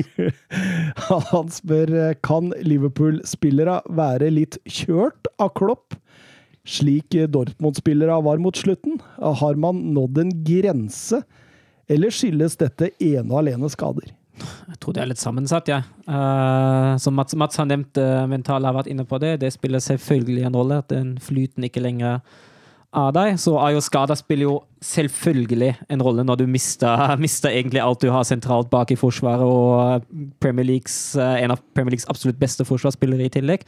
Det har vært Men- gøy å være flue på veggen når det går dårlig med Klopp. Altså. Mhm. Det skulle Ja. vært fryktelig gøy. Men det kan jo for all del eh, være en god del av, eh, av det Oskar nevner her òg. At spillerne begynner å bli litt kjørt, kanskje til og med litt mette, hvem veit. Og så syns jeg jo at han flere og flere spillere Vi snakket jo litt om det, eh, flere og flere trenere vi snakket litt om det her før, før sending, Mats. Begynner å, å skjønne hvordan de skal spille mot Liverpool. Uh, og at Klopp ikke har funnet helt en løsning på det, det, det mener jeg også. Det virker nesten litt som, eh, litt som den Dortmund-tida. Da slet han til slutt også litt med å finne, med å finne løsninger.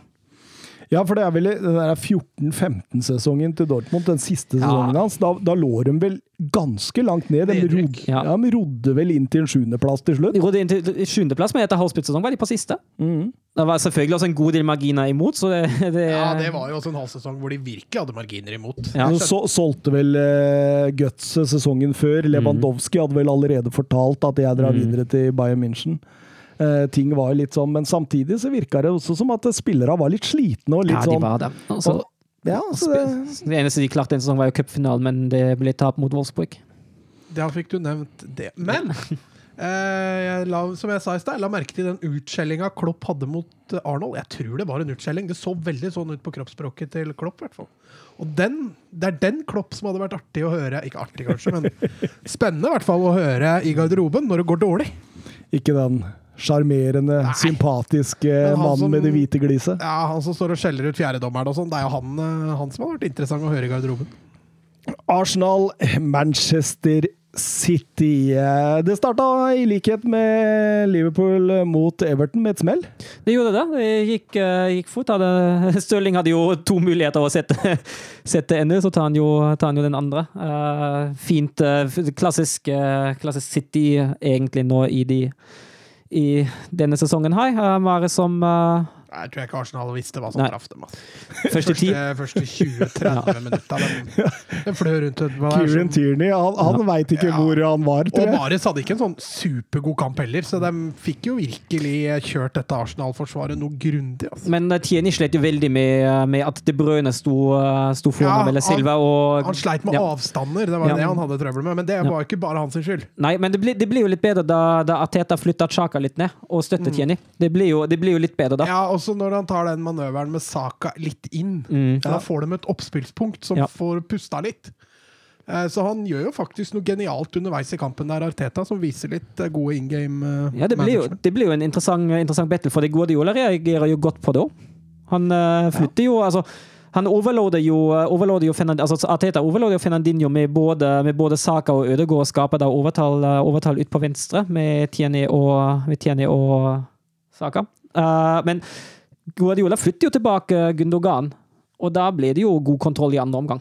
Ja, men jeg jeg, jeg syns jo også det er altså, Når du snakker om eh, etter sånn 25-30, så kommer Arsenal litt inn i kampen, men jeg tror også det handler litt om at det, det går ikke an å spille en hel kamp på det Nei, enorme det var så, det var så som de drastisk. gjorde. Da. Altså, City hadde jo ball possession på nesten 75 Mm. etter 20 minutter.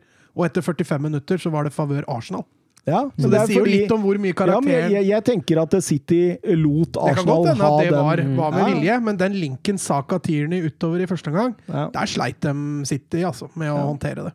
Ja. Så jeg tror ikke det var noe planlagt, eh, planlagt greier. Men jeg tror faktisk Martin Ødegaard ikke varna ballen jeg, Første 25 minutter. Nei, det, jeg tenkte på det underveis, at jeg har jo sagt at det, det så ut som Etter at han kom til Arsenal, så har det sett ut som en Martin Ødegaard i Real Sociedad. Mm. I denne kampen igjen så så det litt ut tilbake til Real Madrid, for da, da, da Men var det støtte han- og sidelengs. Han trives jo mye mer hvis han har mye ballkontakt. ikke sant? Mm. Eh, Det hadde han i Sociedad, det fikk han ikke så mye i Real Madrid. Og i den kampen her så var det var vel nesten bare Saka og Tierney som var litt borti ballen i første omgang, omtrent. Ja, det var voldsomt. Altså, det, de første 20-25 minuttene til City der tror jeg er er noe av det ja. jeg har sett i år. Og med tanke på at Arsenal er jo ikke så gode lenger, men, men de er ikke noe dårlig fotballag, så de bare kjørte over der. altså. Absolutt ikke. Um, det går jo 0-1 til pause der, og, og jeg, sy jeg syns jo City går ut igjen i annen omgang jeg da, og begynner å kjøre Arsenal igjen. Ja, de gjør det. Og så har de samtidig veldig god kontroll på, på kampen nå. Det, de, har, de har flest sjanser. De er, nav, de er mye nærmere 2-0-målet enn Arsenal er 1-1. Uh, Kontringssikringa fungerer utmerket. Eh, Guardiola har som nevnt løst det lille problemet med Saka på midten, og da blir det tøft for Arsenal. Du tar litt bort den Gundogan-styrken din når du tar det grepet der. Altså. Mm. Vi snakka litt om det. Hvordan skal han gjøre det? Ja, men han gjorde det jo som, som vi sa først, med De Brøne som midtspiss. Ja. For at Gundogan fortsatt skal kunne komme i boks. da.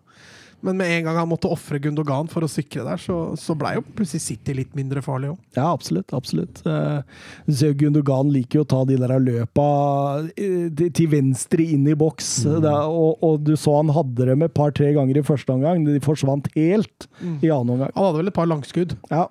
fra utafor boks. Men eh, ja, for all del. Det, han, måtte, han måtte rett og slett ofre seg litt for laget der, og, og kunne ikke fortsette den enorme målstreaken.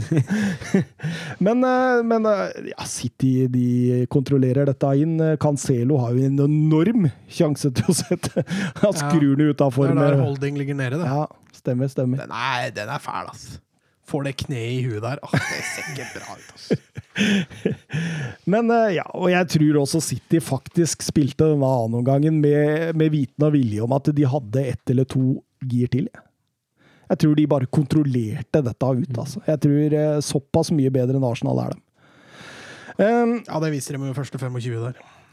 Ellevte strake Premier League-seieren for Manchester City. Det er likt som rekorden satt av City og Pep i 2017.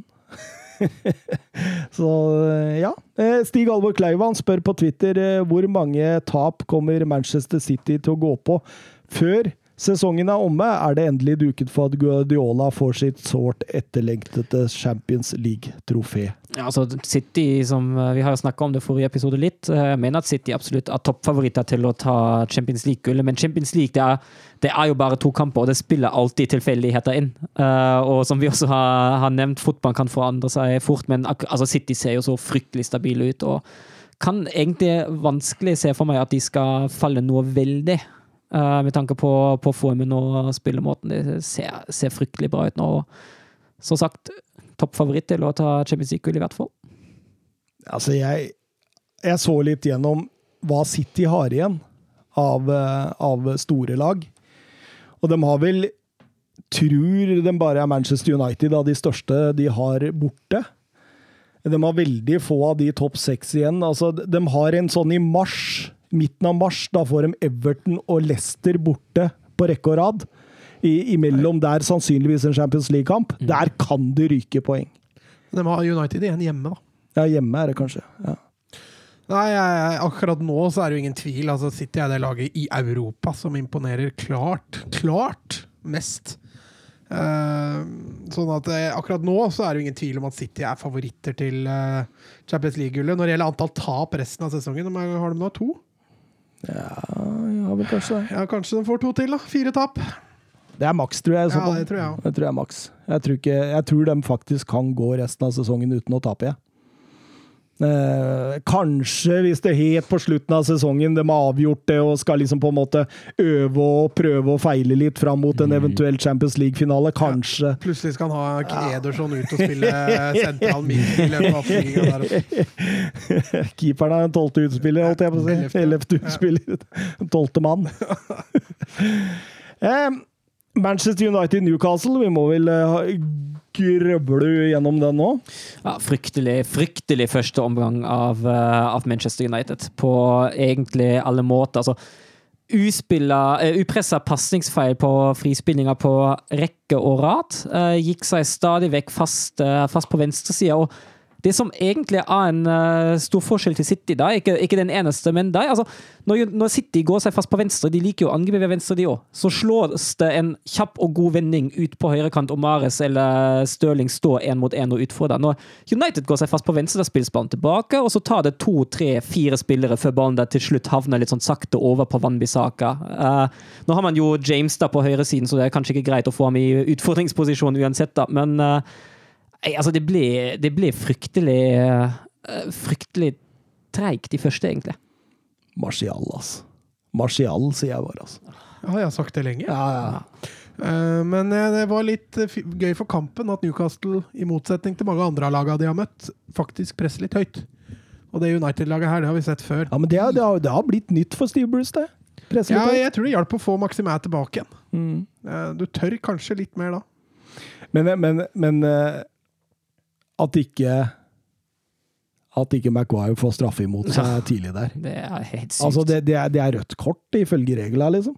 Hvordan kan VAR ikke følge med der? Mm, Gå inn på det. Og, og, og, og da kommer jeg til et spørsmål fra Jonathan Hobber her. United, ærlig talt. Eh, nå blir Newcastle snytt for en straffe og trolig et rødt kort på Maguire, mens Rashford får plutselig beinsvikt, og United får straffespark. Hva er tankene deres rundt disse to? Og det, det er så sjukt at Maguire kan albue Lascelles i egen boks, og det, han slipper med det. Mens Rashford får straffespark for å, å pirke borti tåa hans, så han ligger og har det så vondt. Men eh, det så, ut som en hensikt fra Maguire, eller? Ja, ja. ja, ja, ja. Det er jo nettopp derfor det blir rødt, fordi han, han ser seg bak. Han, han øh, Ja, vet du hva, akkurat det er jeg helt enig i. Det var derfor, men jeg tenkte jo det at de kunne kanskje gjemt seg bak hvis de så det ikke var med hensikt, sånn som han Socek fikk rødt kort for Men da er det eh, likevel straffespark. Ja, i hvert fall i forhold til de som er blitt dømt på før, så burde det jo vært det, selv om det ikke er Men jeg tenkte jo bare noe de kunne gjemme seg bak. Men jeg, akkurat at Newcastle får den imot seg der, det er jo helt uh, utrolig. Det, det, det, er liksom så utgjort, da, når du skal møte Manchester United på Old Trafford, og så tar det fem minutter, og så, får, så skal du egentlig få et straffespark og spille ti mot elleve resten av kampen. Og så og så, Jeg reagerer på den Marcial også tar mot eh, Lascelles, ja, hvor han sparker den i magen der, åpenbart av sinne. Altså, eh, he, Mulig at det ikke hadde vært rødt kort til slutt, men hvorfor VAR ikke går og ser på den? Og så at eh, Rashford da skal få et så ekstremt billig straffespark som det han får seinere. Det, altså, det er ikke rart de konspirasjonsteoretikere mesker seg på Twitter, vet du. Nei, akkurat de to situasjonene er jo fryktelige, da. Det er helt. Det er svart-hvitt. Ja, Det er helt vilt. Og, og Maguire, han sto i pressesonen etter matchen mot VBA og forklarte at det var gir ikke oss fordeler. Det, det, det, det er så sjukt. Altså, det, virker som en bortskjemt liten drittunge. Det virker som at Manchester United er babyen i Premier League. Harry Maguire går- fikk bare én brus. ja, altså, Han fikk ja, ikke to. ja, bortskjemt uh, altså, jeg, jeg har ikke ord engang, altså, hvordan de opptrer. Altså. Og nå har de flaks altså, Straffespark! De har mest straffespark i hele Premier Bruno Fernandes er snart toppskårer! På grunn av straffesparka til Manchester United. Der de fa altså, altså Bruno Fernandes stempa, kon, stempla Konsa og fikk straffespark. Altså, Det er der det ligger! Vi får ikke vår, vi. Det er det dummeste jeg har vært borti! Nå må de skjerpe seg! Altså. han fikk vi ikke var fordi han sto tre meter i offside, og så, offside, og så falt den kjempelett. det får han ikke få vei. nå, nå begynner dette Manchester United-laget å bli Premier Leagues største baby. Nå må de skjerpe seg, altså. Tenk om de går og vinner Premier League nå. Det hadde vært. Ja, du hadde kosa deg, for du er jo Manchester United-fan. Men, men, det men, men øh, legger det bort til side for en prestasjon av Marcus Rashford på 1-0. Ja, herregud, han kjører jo karusell med kraft, ei. Det er jo helt, ja. Han, helt han venter han til og med inn igjen, bare for å ta det bare for å være sikker. Begynner øh, Marcus Rashford, han begynner å bli god. Han begynner å bli Ja, skikkelig men god. han er fortsatt veldig av og på, altså. Ja. Han kan En situasjon så ser han helt umotivert ut, og så i neste situasjon så dribler han kraft to ganger på ræva. Ja. Og setter den i nærmeste. Så det er fortsatt eh, litt i forhold til det å stabilisere seg på et høyere nivå som er hans utfordring. Altså. fortjent når Maximæ setter 1-1 der. Da, da følte jeg med Newcastle-supportere og tenkte at eh, yes, dette var egentlig veldig fortjent. Ja, Det er jo én ting. En annen ting er at United var jo ikke gode. Nei, overhodet ikke, syns jeg. Han fortjente ikke nåla i veggen etter denne kampen. Det blir redda av VAR, faktisk. De blir redda av et fraværende VAR, og et VAR som fant ut at det fordi det De ble ikke redda av VAR. Jo, det ble redda av VAR. VAR tok, brøyt tok i det i det hele tatt. Nei, Det det er nettopp det. det er nettopp det. Han satt og spiste popkorn og drakk brus og kosa seg, fordi den blir redda av VAR. Også Tilfeldigvis så var han tilbake i stolen sin, og så så han da at eh, Rashford eh, blir pirka på tåa av Willoch. Eh, og, får, så vondt! Han får så vondt! Det der, der har kommet seg så voldsomt i Premier League nå, altså. Nå, nå, får, nå er det mange spillere som har fallesyken i Premier League, altså. Ja, og så jeg- får folk så vondt. Det, er, det er det verste, syns jeg. At jeg sitter og sammenligner det med disse MMA-gutta og sånn. Som altså, Disse Premier League-spillerne må jo oppfattes som noen ordentlige kyllinger. Altså. Men Manchester United, de, de drar i land, de, Søren. Ja, de gjør det. Eh, både, den, eh, både straffespark og den skåringa av James. Og jeg syns jo det blir jo bitte litt bedre i andre omgang, da. Det gjør jo det. De har litt, eh, litt bedre kontroll, og Solskjær flytter jo Matic nå også opp i den mølja der på venstre. Står til dels eh, fire spillere ut på venstresida på kjempetrangt rom, men funker litt bedre, da. Og på den 2-1-skåringa der, så får jo faktisk Bruno Fernandes Ja, assist. det, det sier litt om den flyten der òg. At det at han er der, gjør at det blir tunnel på, på Newcastle. For på det er en Jamal- feilpasning. Ja, på Jamal Lewis der, som går fram til Jay. Det er jo flyt. Eh, Men med den assisten, da, så blir eh, Bruno Fernandes den tredje spilleren i europeiske topp fem-ligaene som når antall tosifra på antall mål og antall assist. Veit dere de to andre? Det er Brønne. Nei, ikke Br Messi? Nei. Braut Haaland? Nei. Nei, Jeg datt ut, jeg. Hva var spørsmålet? Tosifra mål og assist. Det er to stykker som var klart før Bruno Fernandes i topp fem-ligaene så langt denne sesongen. Da må vi vel kanskje til uh... Nei, det er ikke Messi, vet du. Uh... Tosifra Det er ikke Ronaldo, nei. Nei, nei, Det er ikke Gundogan, vel? nei, nei, nei. Han har ikke nok eh, assist. Nei. Eh, nei da, Kan du gi et hint? Kan, kan du si om hvilken liga? eller? En i Premier League og en i Bundesliga. Thomas Müller, da. Ja, riktig. Thomas Müller er den ene, og Harry McGuane. Kane. McGuane. Harry McGuane. Harry Maguire skal jeg. Ha, Harry McCain. han burde ha tosifra i røde kort, han siste der. Kane burde tatt ja, det der. Over i, eh, over i eh, den såkalte fadesen på London Stadium.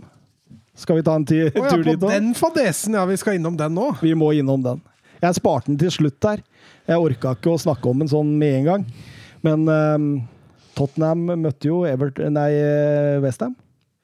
Ja, det gikk jo like bra, det, som for Everton. Moyes hadde møtt uh, Mourinho uh, 15 ganger tidligere. Aldri vunnet. Så det var vel kanskje en sånn eh, greie, det der. Fordi her også smeller det jo med en gang. Ja, det gjør det, og altså Bowens innlegg er jo, er jo bra. Det går jo, det går jo via auto Det blir fryktelig vanskelig for Loris, og jeg har ikke lyst til å laste ham der, for han ser jo fryktelig seint. Og han redder den. Klasseinnlegg. Ja, så, ja. Det er altså, den slår så hardt og inn i bra rom, og Nei, det er strålende. Og så er det jo Antonio som sitter den lett. Men altså, det jeg tenkte, tenkte litt på, det som slo meg litt i, i den kampen der, det jeg virkelig kom på underveis, er at vi har jo rost Spurs så mye for å ha så god kontroll, forsvare seg så godt i egen boks, og det, er, det var helt borte i første omgang, altså. Det var Kontrollen på egen boksen den var ikke helt tilstedeværende.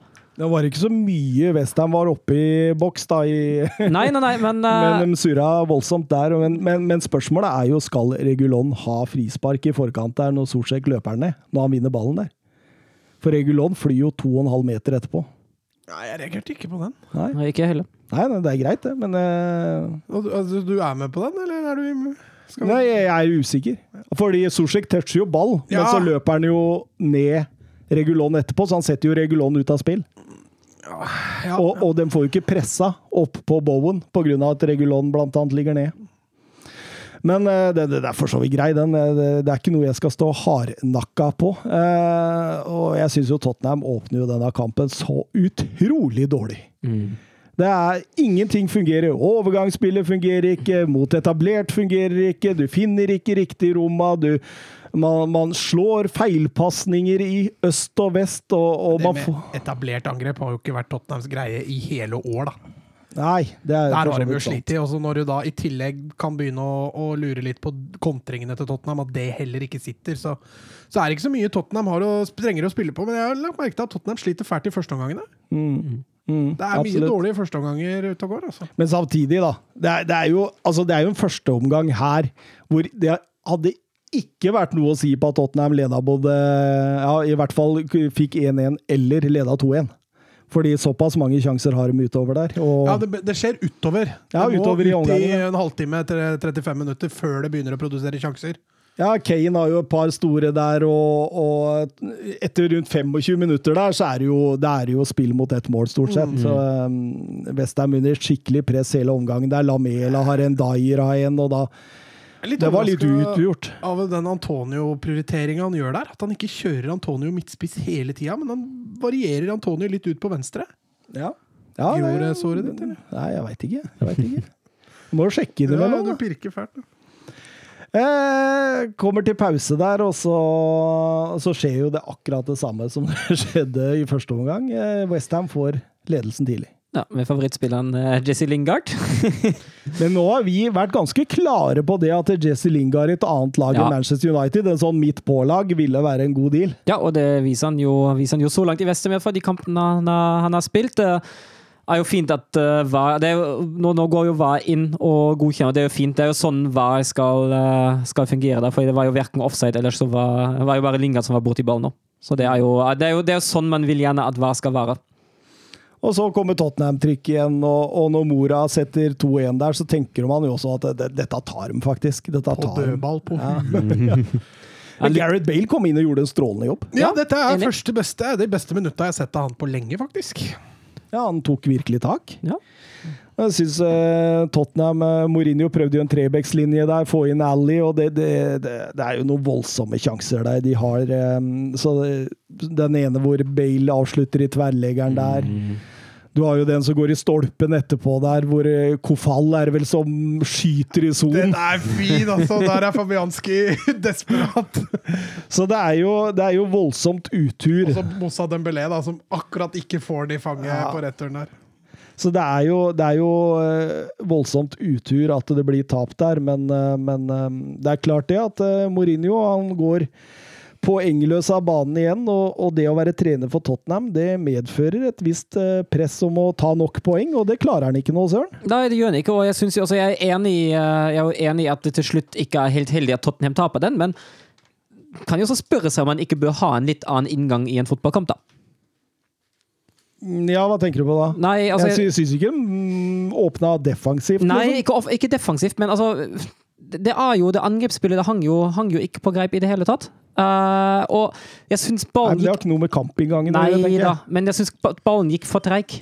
Ja, det gjorde det, det jo, for all del. For all del. De, de, de spilte dårlig fotball i begge, starten av begge omgangene. Så kommer de seg utover på et eller annet sett og vis, men Det har jo litt, må jo sitte litt mentalt, da, når de starter kanskje litt sånn Liverpool-gena, at de starter alltid kampene litt på hæla. ja, det, det er jo et lag som ikke helt har flyten, og der blir jo litt, ja. uh, litt Liverpool over det. Men nå er de jo såpass langt ned på tabellen at det må jo begynne å brenne litt. det. Det brenner skikkelig. Eh, Mourinho har tatt eh, 81 poeng på 50 kamper som Spurs-manager. Åssen ligger han i forhold til Solskjær på Solskjær-tabellen? da? Ja, Det aner jeg ikke.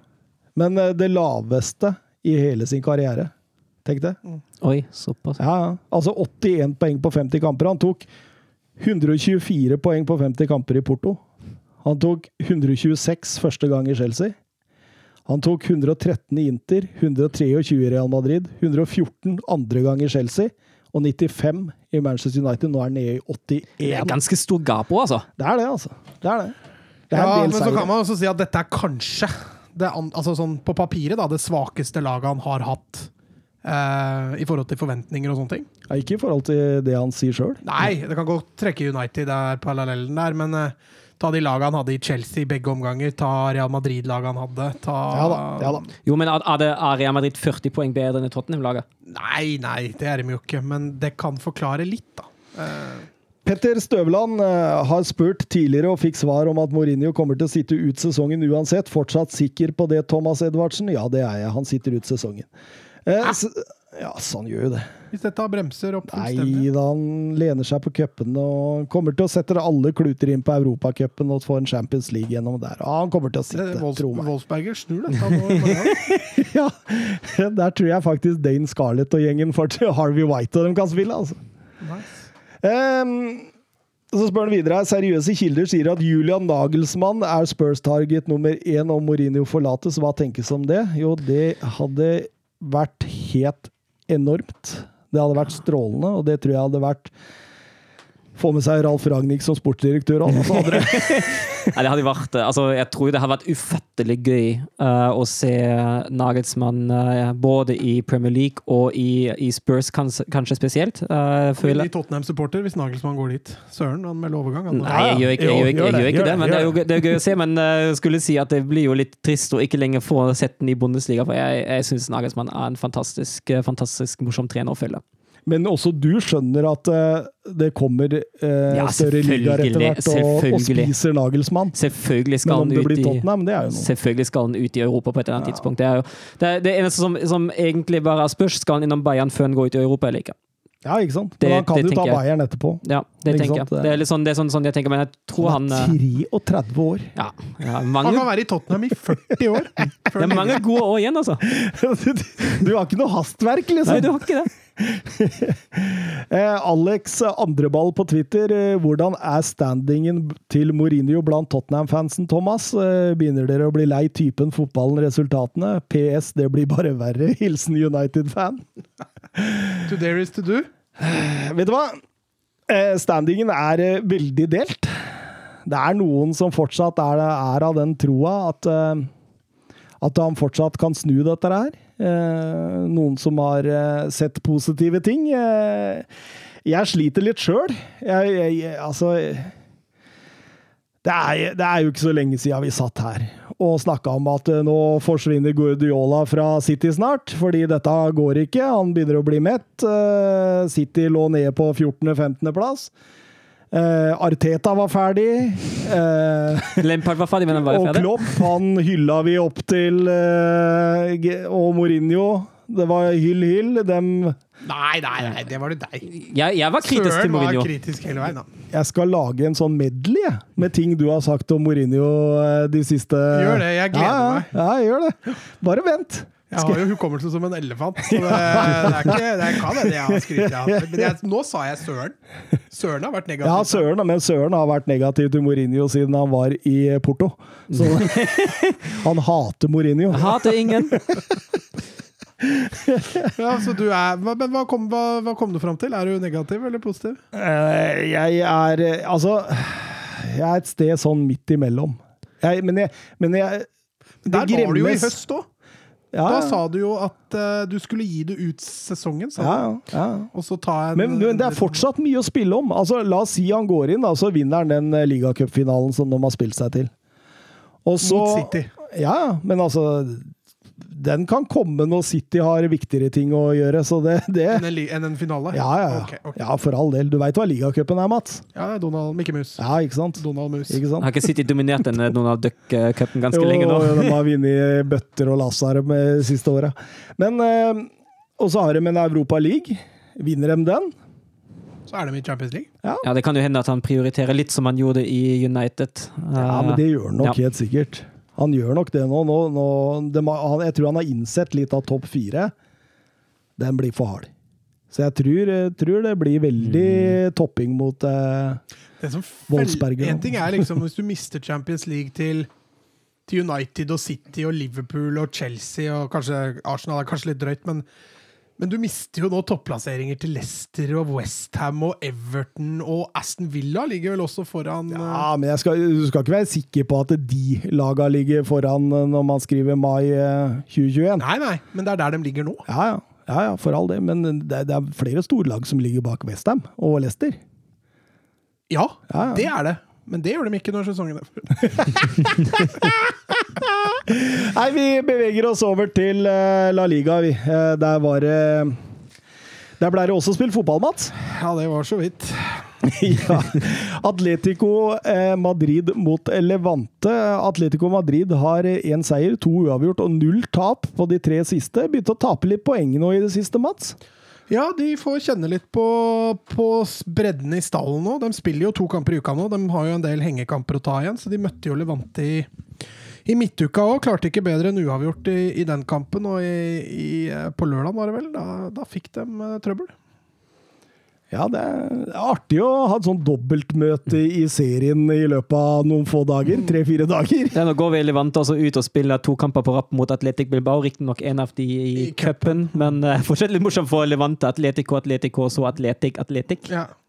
Nei, de får jo prøve seg, da. Men det var jo Hva skal jeg si? Det er et Atletico som virker litt slitne nå. Så det skal bli fryktelig spennende å se dem mot Chelsea nå i, eh, nå i dag, altså i kveld. Ja, men jeg, altså, jeg syns jo til syvende og sist de går altså, De bør jo ha fortjent minst ett poeng. Ja, ja, altså, det, er jo, det er jo litt sykt at de kan tape den kampen der. Den første omgangen er svak, men de løfter seg fint i andre omgang og burde ha skåret i hvert fall én kasse der. Og den siste 2-0-gålen er jo som et resultat av at de sender Men- opp mann og mus. Men den første omgangen der, altså eh, Kong Dombia og Kåke, de er jo ikke med. Altså Bardi og, og hva er han andre heter, han sentrale midtbanespilleren? Malsa der, ja. De eier jo den midtbanen fullstendig. Og jeg må jo si Rochina er jo positiv. Tidligere Barca-produkt. Det er derfor jeg la merke til han, selvfølgelig. Og Morales da er jo herlig spiller. Fryktelig eh, spesielt mål han skårer der. Han, eh, han eh, skyter på kassa. Han treffer først Felipe, sånn at han hadde gått utafor. Men da treffer han igjen Hermoso. Som dytter den inn i målet igjen. ja. Ja, det var to, Oblak er jo helt ute av spill. generelt to, to litt spesielle mål i vente skåre den kampen. der. sånn. Men det forbedrer seg i annen omgang. Jeg syns de løfter seg mye mer. Og så får de jo justert litt på, på midtbanen, og det, det hjelper veldig. Så var det jo selvfølgelig litt artig å se Moussa Dembélé. da. Ja, han Han kom inn der. Fikk, Endelig debuten sin etter å ha vært koronasjuk. fikk en sjanse eller to der òg, mot Ja, på slutten fikk han en, men da ser du litt åssen spisstype han er bra på. da. Eh, Jeg tror han kan passe Atletico veldig bra. Det er synd det ikke er noen opsjon der for Atletico sin del. For han eh, kunne de virkelig ha fått mye ut av etter hvert, tror jeg. For en kamp, Dani Cardedas. eh, Ja, herregud. Ja, Strålende. Tre er jo poeng der, eller? Ja. fem, til og med. Ja, fy faen. Det er sånn once in a lifetime-kamp. Ja. Jeg husker fortsatt eh, når Barca ikke greide å slå Sevilla, det tror jeg er sju-åtte år siden, og Havi Varas. Er ikke verdens mest kjente keeper, men da hadde han sitt livs kamp. og litt sånn som nå, med, med, med på lørdag. Og når eh, Atletico Madrid er som desperate, så sender dem opp eh, Oblak i, på dødball og, og får seg inn i sekken. Da blir det jo baklengs på 50 meter, da. Det, det, det er Sånn sånn som- ishockeymål når du har Ja. tatt ut keeperen. Ja, men altså, det var jo fortsatt, eh, fortsatt kvett til, til de Fotos da. Det er, det er ikke så lett å treffe mål fra 50 meter heller, selv om det er åpent. Nei, det Han løper jo langt på ballen der, da. Det er bra, Og så er han ikke under press, så han får Ja, en kontrollert avslutning. Og det, jeg vet ikke hvor bredt er det målet? Sju meter? Sju meter. Ja, det skal gå an å treffe når du er profesjonell fotballspiller. 28 skuddforsøk hadde Atletico Madrid i denne kampen. Eh, Det er all time high best under eh, Simione uten å skåre mål. Og eh, Atletico Madrid de har ikke holdt buret reint i de siste sju. Det er det lengste runnet i Atletico Madrid under Simione. Ja, vi var litt tidlig på å hylle dem. Ja, ja, vi ga ut seriegull! Ja, vi. har allerede gitt ut Ja, ja, med, med Søren til og med med klar margin. Ja, ja. Vi snakker om Bundesliga snart. Eh, litt om Valencia Celta Vigo. Det er vel et lag vi har lyst til å sløyfe.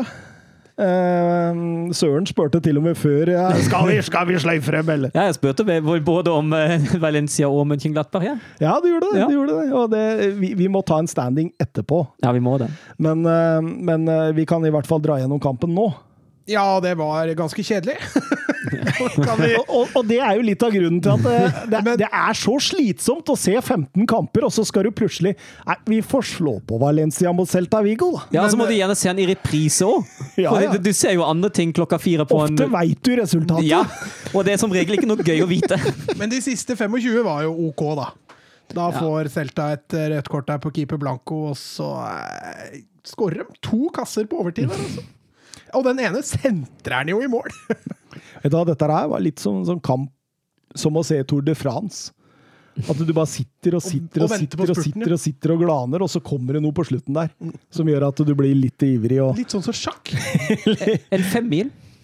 litt sånn som sjakk. Ja, det er helt perfekt sagt, faktisk. Helt perfekt sjakt. Men uh, Manu Valejo han eh, skårte sitt fjerde mål som innbytter, han, og det er mest av alle i La Liga. Det høres riktig ut, det. Mm. Og, og, og det er klart, det, dette er en viktig, en viktig, viktig seier for uh, Valencia. Nå har de tatt sin vante tolvteplass igjen. Ja, det er vel akkurat der vi har dem på, på tabeltipset. Uh, og så har de jo det som kanskje er viktigst, at de har fått en liten luke ned. Uh, som gir dem et lite pusterom. Eh, nå er det jo riktignok 14 kamper igjen, så det er jo ikke noe som er avgjort. Men det som har vært bra for Valencia, i år, er at de, de plukker sånn jevnt med poeng.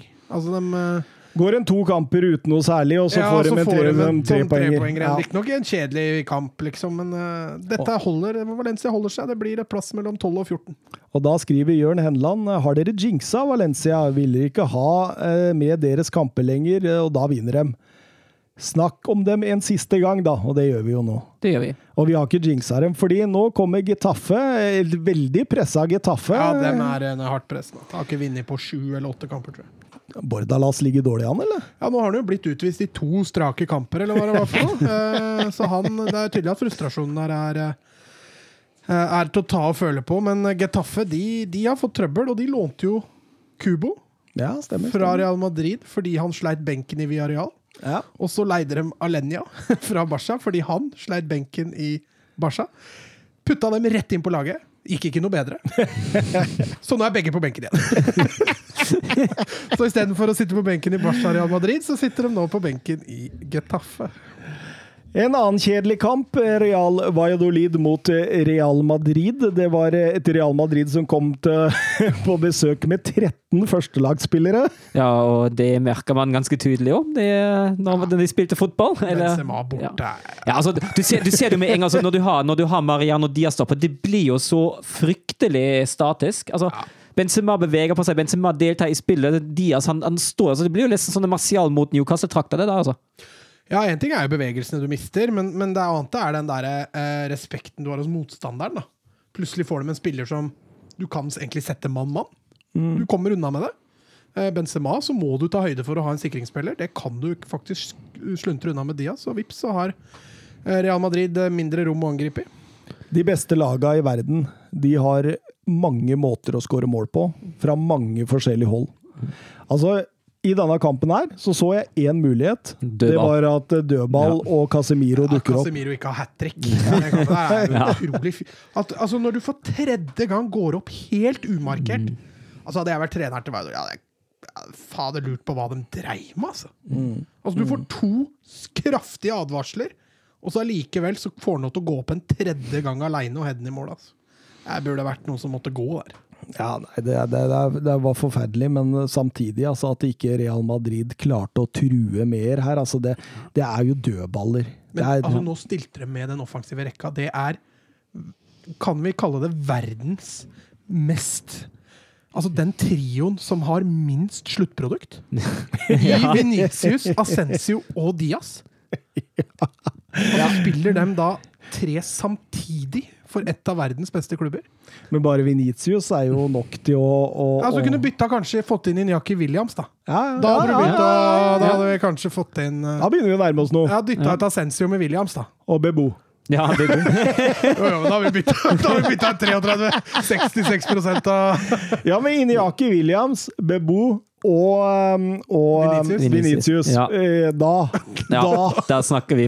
Altså, men så, så er jo altså, Du er inne på det, Venitius Junior. Altså, de angriper jo veldig mye via venstre, og så går de jo veldig mye via Venitius, og da kan de jo bare glemme det.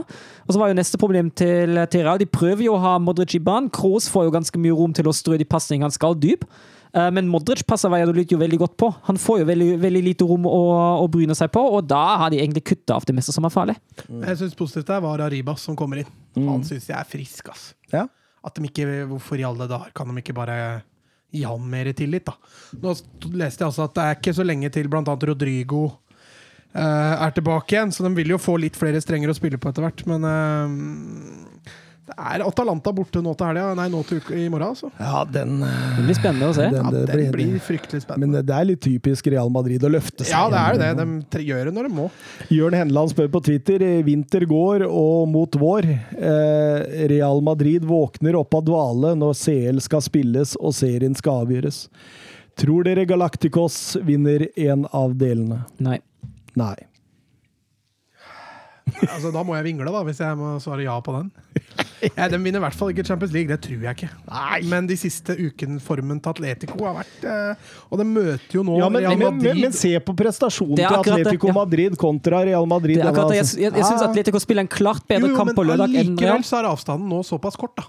Selv om Real Madrid underpresterer. Blir det, hvis, Real, hvis Atletico Madrid vinner hengekampen, blir det seks poeng, er det ikke det? Eh, akkurat nå er det tre poeng, ja. Det er helt Ja, altså, Men neste helg, ikke nå til helga, men neste, så er det El Derby Madrilenio. ja. Den kan bli litt Den avgjørende. Hvem er det som er hjemme der? Eh, Real. Det hjelper ikke. Nei. Eh, Atletico Madrid har ikke slått Real Madrid på over fem år eller noe sånt i serien. Da skjer det noe. Det blir hovedkamp, eller? Det er vi Nei, ganske for klare den fant vi vel ut at United møter vel City eller noe Og sånt. Bayern Dortmund samtidig. Så ja, ja, vi der kanskje vi skal la Twitter avgjøre. Mulig det. Eh, Barcelona, Cádiz eh, 1-1 og, og Sånn, da går vi videre til Didrik Tofte Nilsen blir ikke noe dikt nå, eller? Nei, vet du hva, Didrik er så glad at jeg ikke brukte tid på å hylle den klovnen av en nederlender! Det går an! Ja, akkurat når du satt der og vurderte diktet, så, ta, så lå de Eller så Da lå de vel under! knuste, moste dem! Og hvorfor gjør han ingenting?!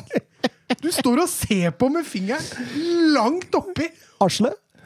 At det, stakkars Dest blir jo snurra rundt og Han så jo ut som han skulle vært ni år gammel. Ja, det er det bare villeste jeg har sett. Og så går det 60 minutter, du ligger under 3-1. Da bytter vi. Altså, Dembélé, herregud, han så jo ut som en blekksprut på månen.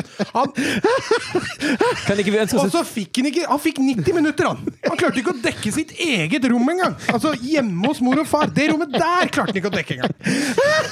Jeg syns vi bør, bør kreve et frustrasjonsdikt hvis de ryker. Kanskje du Altså, skal skrive et sånt dikt? Altså, Didrik, du skal få et dikt hvis Basha går videre, men det er 0,01. Men, men over til kampen her, da. For det, det er jo Barcelona, Barcelona, Barcelona, Barcelona, Barcelona og Barcelona. Ja, altså sånn possession så styrer de jo alt, og de, de, altså, dette burde de selvfølgelig avgjort. Uh, men jeg syns igjen altså, det er litt sånn flatt offensivt. Det er lite kreativt, det er få samtidige bevegelser. Uh, det virker som samspillet generelt sett er dårlig. og Altså, Messi ser også av ut i den kampen her, store deler, og da, da blir det vanskelig når du mister talismanen din til, eh, til at han ikke eh, gjør det han bør gjøre i en sånn her kamp. Altså. Mangler litt sånn killerinstinkt eh, framme i banen, syns jeg. Mangler en Braithwaite. Ja, for han kom jo inn! Han Ja, kom inn! Men hva, hva, altså, da, te, da tenkte jo da tenkte jo, da, tenkte, da, da tenkte jo jeg at nå begynner han å ta, å ta Cadiz for lett. At det står en eller så tar han de byttene han gjør. Jeg, jeg syns det var et sånt tegn på at nå, nå tror han den kampen er vunnet før han har vunnet. Eh, ja, Ja, eh, det kan godt hende. Det kan godt hende. det kan godt hende at han tenkte at dette her går bra. Eh, men, men samtidig, da. han har vel, han, Barca skal jo spille midtukekamp nå, så det er mulig han tenkte også litt på, Kan få det være det, ja. på den. Men han tar Busquets fryktelig tidlig ut, Ja. med en Pjanic som er jo fullstendig blåst. Braithwaite han har vi snakka om før. ja. og så Ta et får- dikt om Braithwaite òg.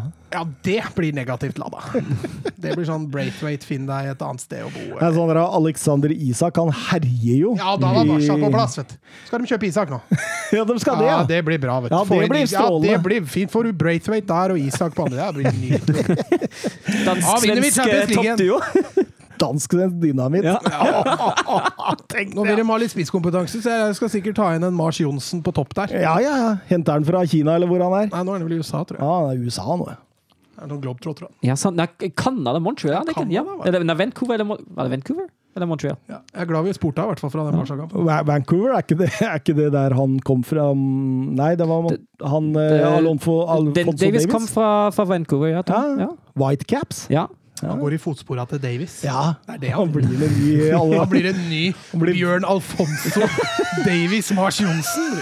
Venstrebekk på Bayern München. Ja, nei, kanskje høyre hadde den kommet inn. Ja, men så det er jo en åpning.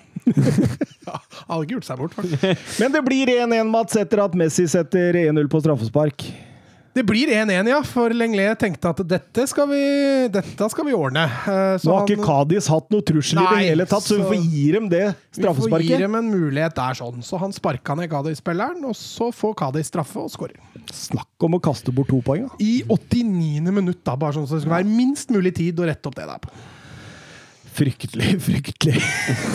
Det er helt krise, altså. Det er, det er faktisk krise, det der. Og, og nå kunne de jo liksom blitt med Real Madrid på kappe innpå Atletico Madrid. Ja. Og de kappa jo innpå. Ja, Men det ble jo, i tillegg ble de jo også forbigått av Sevilla, da, så nå er de jo faktisk Nå er det nesten så jeg snart må ut og sykle sammen med dere. Nå er det så mørkt på den derre ja for eh, fin overgang til Osasona Sevilla. Der var Aresates gutter eh, åpna helt klart best på El Sadar, men eh, Ja, de fem, Sevilla de fem første. Ja. Fem første er greit. De fem første var veldig bra. så, så begynner Sevilla-maskineriet å komme, og da er det jo Ja, hvor var denne soliditeten? Ja, det er klart Osasuna kan kanskje ikke sammenlignes med, med Dortmund, men, men dette her var litt sånn Sevilla-maskineriet. Mm. Det kan du trygt si når en får 1-0 der med Carlos på en dødball i tillegg. Akkurat eh, perfekt. Ja. Og de fikk jo kampen i sitt eget spor Ja, med en gang. akkurat der de ville ha den. Og det er- ser vi Sevilla som en sånn kandidat til topp tre nå, eller søren? Kan de ta Barcelona? Altså, vet, vet jo aldri hva Koman og gjengen finner på, men eh, um- Umulig er det ikke, men uh, holder kanskje fortsatt en liten knapp på Barcelona, ja. Ja, men det, det jeg tenker med Sevilla, da, det, det, det, det er så forbanna solid. Det er liksom Du har god balanse, du har hardtarbeidende midtbanespillere, indreløpere som alltid tar jobben. Du har denne stopperduoen som Altså Ja, bortsett fra når de møter Haaland, så er de solide. ja. Men det, det er statement til Haaland, tenker jeg. Ja, det er det. For han fillerista dem, ass. Han, eh, han Ja, jeg skal ikke si hva han gjorde, men pent var det ikke, i hvert fall. De var såre i arslet etter at den kampen var ferdig. Begge gutta. Han fillerister alt som kommer over sin veg nå, han godeste Haaland, søren. Ja, om dagen er sterk igjen. Eh, Formen er helt klart topp. Måtte få en Champions League-kamp og litt sånn åh. Ja. Mbappé-hat trick var motivasjon. Men eh, nei, og så får jo Luke de Jong pirka inn 2-0 der i andre omgang, og da, da er det over. Da er det over og ut, rett og slett. Da er det over, og da er Sevilla på tredjeplass, og vi går over til Armina Bielefeld mot Wolfsburg, søren. Ja, det var jo gøy, den der. Eh, det var jo egentlig en fryktelig kjedelig fotballkamp i en halvtime. Og så var det en halvtime som var litt underholdende, og så var det en fryktelig kjedelig fotballkamp i en halvtime igjen. Ja. Eh, det var, ja, det var jo, var jo litt som det var. Uh, Wolfsburg slet jo litt med å, med å, få, med å få gjennombryte seg i siste tredjedel. Det, Men jeg må jo si det forsvarsspillet der på, på 1-0 til Bielefeld det ser jo ut som en sett, den der forsvarslinja til Bielefeld. ja. Finner eh, jo rom overalt. ja. Og tror du Drillo hadde elska det målet, eller? Ja, ja. Åh. I bakrom på kantspilleren og rundt to innlegg, og så er det to løp faktisk som er foran første forsvareren til Bielefeld. Ja. Og så gjorde jo tyske medier gjorde en stor sak ut av at Wolfsburg klarer å vinne uten, uten at Wehrhost skårer, men Wehrhost er jo faktisk med på alle tre mål. Han er jo det. Han det er er jo- veldig, veldig viktig for det laget der, det er ingen tvil om. Ja, eh, men altså, og etter 1-0, da har man jo, sitter man jo med en følelse av at dette her går jo veien. Du har jo den ene sjansen som Vlapp har eh, rett etterpå, men utenom det har jo Wolfsburg egentlig full kontroll bak deg. Absolutt. Og vi nevner 0-3-målet til Arnold. Ja, det er nydelig. Fint i kryss. Altså, det, jeg sa det litt sånn før runden, i, I denne runden i Bundesliga før vi spilte inn, i denne runden i Bundesliga er det en fin scoring i hva og en kamp vi skal gjennom. Mm, Det er drømmeskoring i alle kamper vi har, og det er Nei, Dortmund var det vel ingen. Nei, det er ikke i det hele tatt. fryktelig gøy. Jeg syns uh, Wolfsburg opptrer som et topplag. Ja. De, eh, de eh, Som skal til Champions League, eller? Ja. ja, ja, Søren skal sykle. Søren skal sykle. Det er, det er så god balanse i det laget der nå. Det er godt organisert. De har en altså, moral. De jobber for hverandre, de unner hverandre. Det, det virker som at alt flyter, da. Og at det, altså det er 666 minutter siden sist de slapp inn en mål. Det var Willy Orban. Ja, det er en ny rekord. Ja, men 666, smak på den. Ja, det er en ny klubbrekord Ja, Det er djevelsk bra. Ja, ja. Djevelsk bra. Ja, den. Det er en ny klubbrekord. Og så er det vel Bundesliga. Det, det er med den Schalke-kampen i, uh, i cupen, da. Og Bundesliga-rekorden ligger vel på 850 et eller annet. Det er Timo Hildebrandt i Stuttgart som har den. Så det er jinxa du den, Søren. Det er Hertha neste gang. Ja, det er, Jarstein. og så er det jo, og så er det jo ingen uh, Brooks. Den fikk jo sitt femte gule. Mot Nå sitter, nå sitter Søren her. Og er irritert over at Brookside ikke kan spille. Nei, men nå sitter Søren her, og han sitter her og snakker om rekorder. Ja, der går Og så er det 666 minutter. Det er djevelsk tall, overtroisk. Dette kommer til å ryke mot Hertha Berlin. Men hvis ikke de slipper inn i det første minuttet, da, så er de jo over på 667. Ja, Ganske kjapt, da. ja, så du må slippe inn på første Du første må slippe inn ganske kjapt. Bli hvis det skal slå. blir avspark og mål. Men, det, men, men, men, Ja, men eh, Brook- Brooks er borte nå, så det kan fort skje. men vi kan faktisk sitte her i, i, eh, i starten på 2021-sesongen med Wolfsburg i Champions League og Barcelona og Tottenham utenfor. Hvor sjukt hadde ikke det vært? Jeg, var, Jeg skjønner ikke hvorfor du ler. Jeg Det er ikke, det er ikke, det er ikke morsomt i det hele tatt. Det er skjebnens ironi, jo. Morsomt er det ikke, i hvert fall.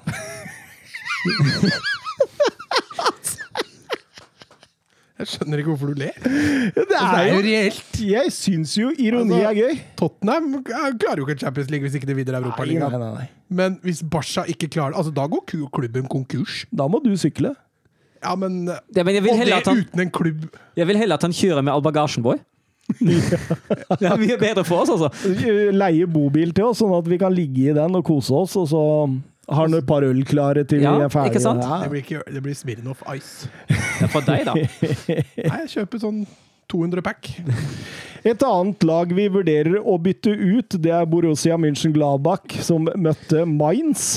Ja, og de sportslige prestasjonene, de er jo De peker jo veien til at man kanskje bør gjøre det, for det det var igjen ikke bra det Mönchenglattberg presterte. Vi har snakka mange ganger nå om de problemene mot etablert forsvar, og jeg syns de er framtredende i den kampen òg, i første omgang.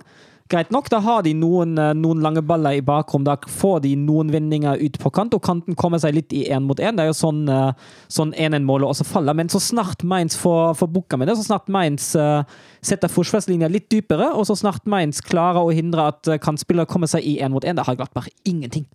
Nei, helt enig. Helt enig. Og det er, det er altså, den kampen, det er greit nok at Mainz Tana er kanskje litt flatterende og kunne fort ha hent, uh, hendt uavgjort, men uh, det er ikke overbevisende mot laget som ligger nest sist. Uh, hull hull til, uh, til eh, Bo Svensson. ja, til Svensson òg, til Onisivo. En drømmeskåring der òg. volley, og, volley og inn. Og Men Mainz dem er litt sånn oppe igjen nå. Ja, de nå kan det. fort Ja. hende at dette går allikevel. Altså. ja, det Sammen med Schalke så var vel de tippa nord og ned ganske kjapt. Jepp. De hadde jo en fryktelig start på sesongen nå. I likhet med Schalke har de hatt fire trenere på sidelinja, men Bo Svensson har virkelig fått fart på, fart på saken. altså. Ja, han har det. Fryktelig bra. Og så ser man jo nå, altså Mainz lå jo, lå jo fryktelig dypt og nesten uten selvtillit uh, før, og nå Jeg syns de er gode til å variere presshøyden. Ja, de ligger en del dypt, men de plager også Mönchenglattberg og andre lag når, når de kan. De setter nålestikk, og de, delvis, de prøver delvis å presse høyt. Apropos Mainz, det målet Mateta skårte for Crystal Ja, Palace. vi, vi har en Å, herregud. Nydelig. Rundens mål i Premier League, eller? Ja, det må det jo minst være. Det var nydelig, altså. Eh, matchvinner ble han faktisk til og med òg, så det Ja. har jo allerede gitt uh, frukter. Det- syns jeg var veldig rart at de uh, kasta Mateta på dør.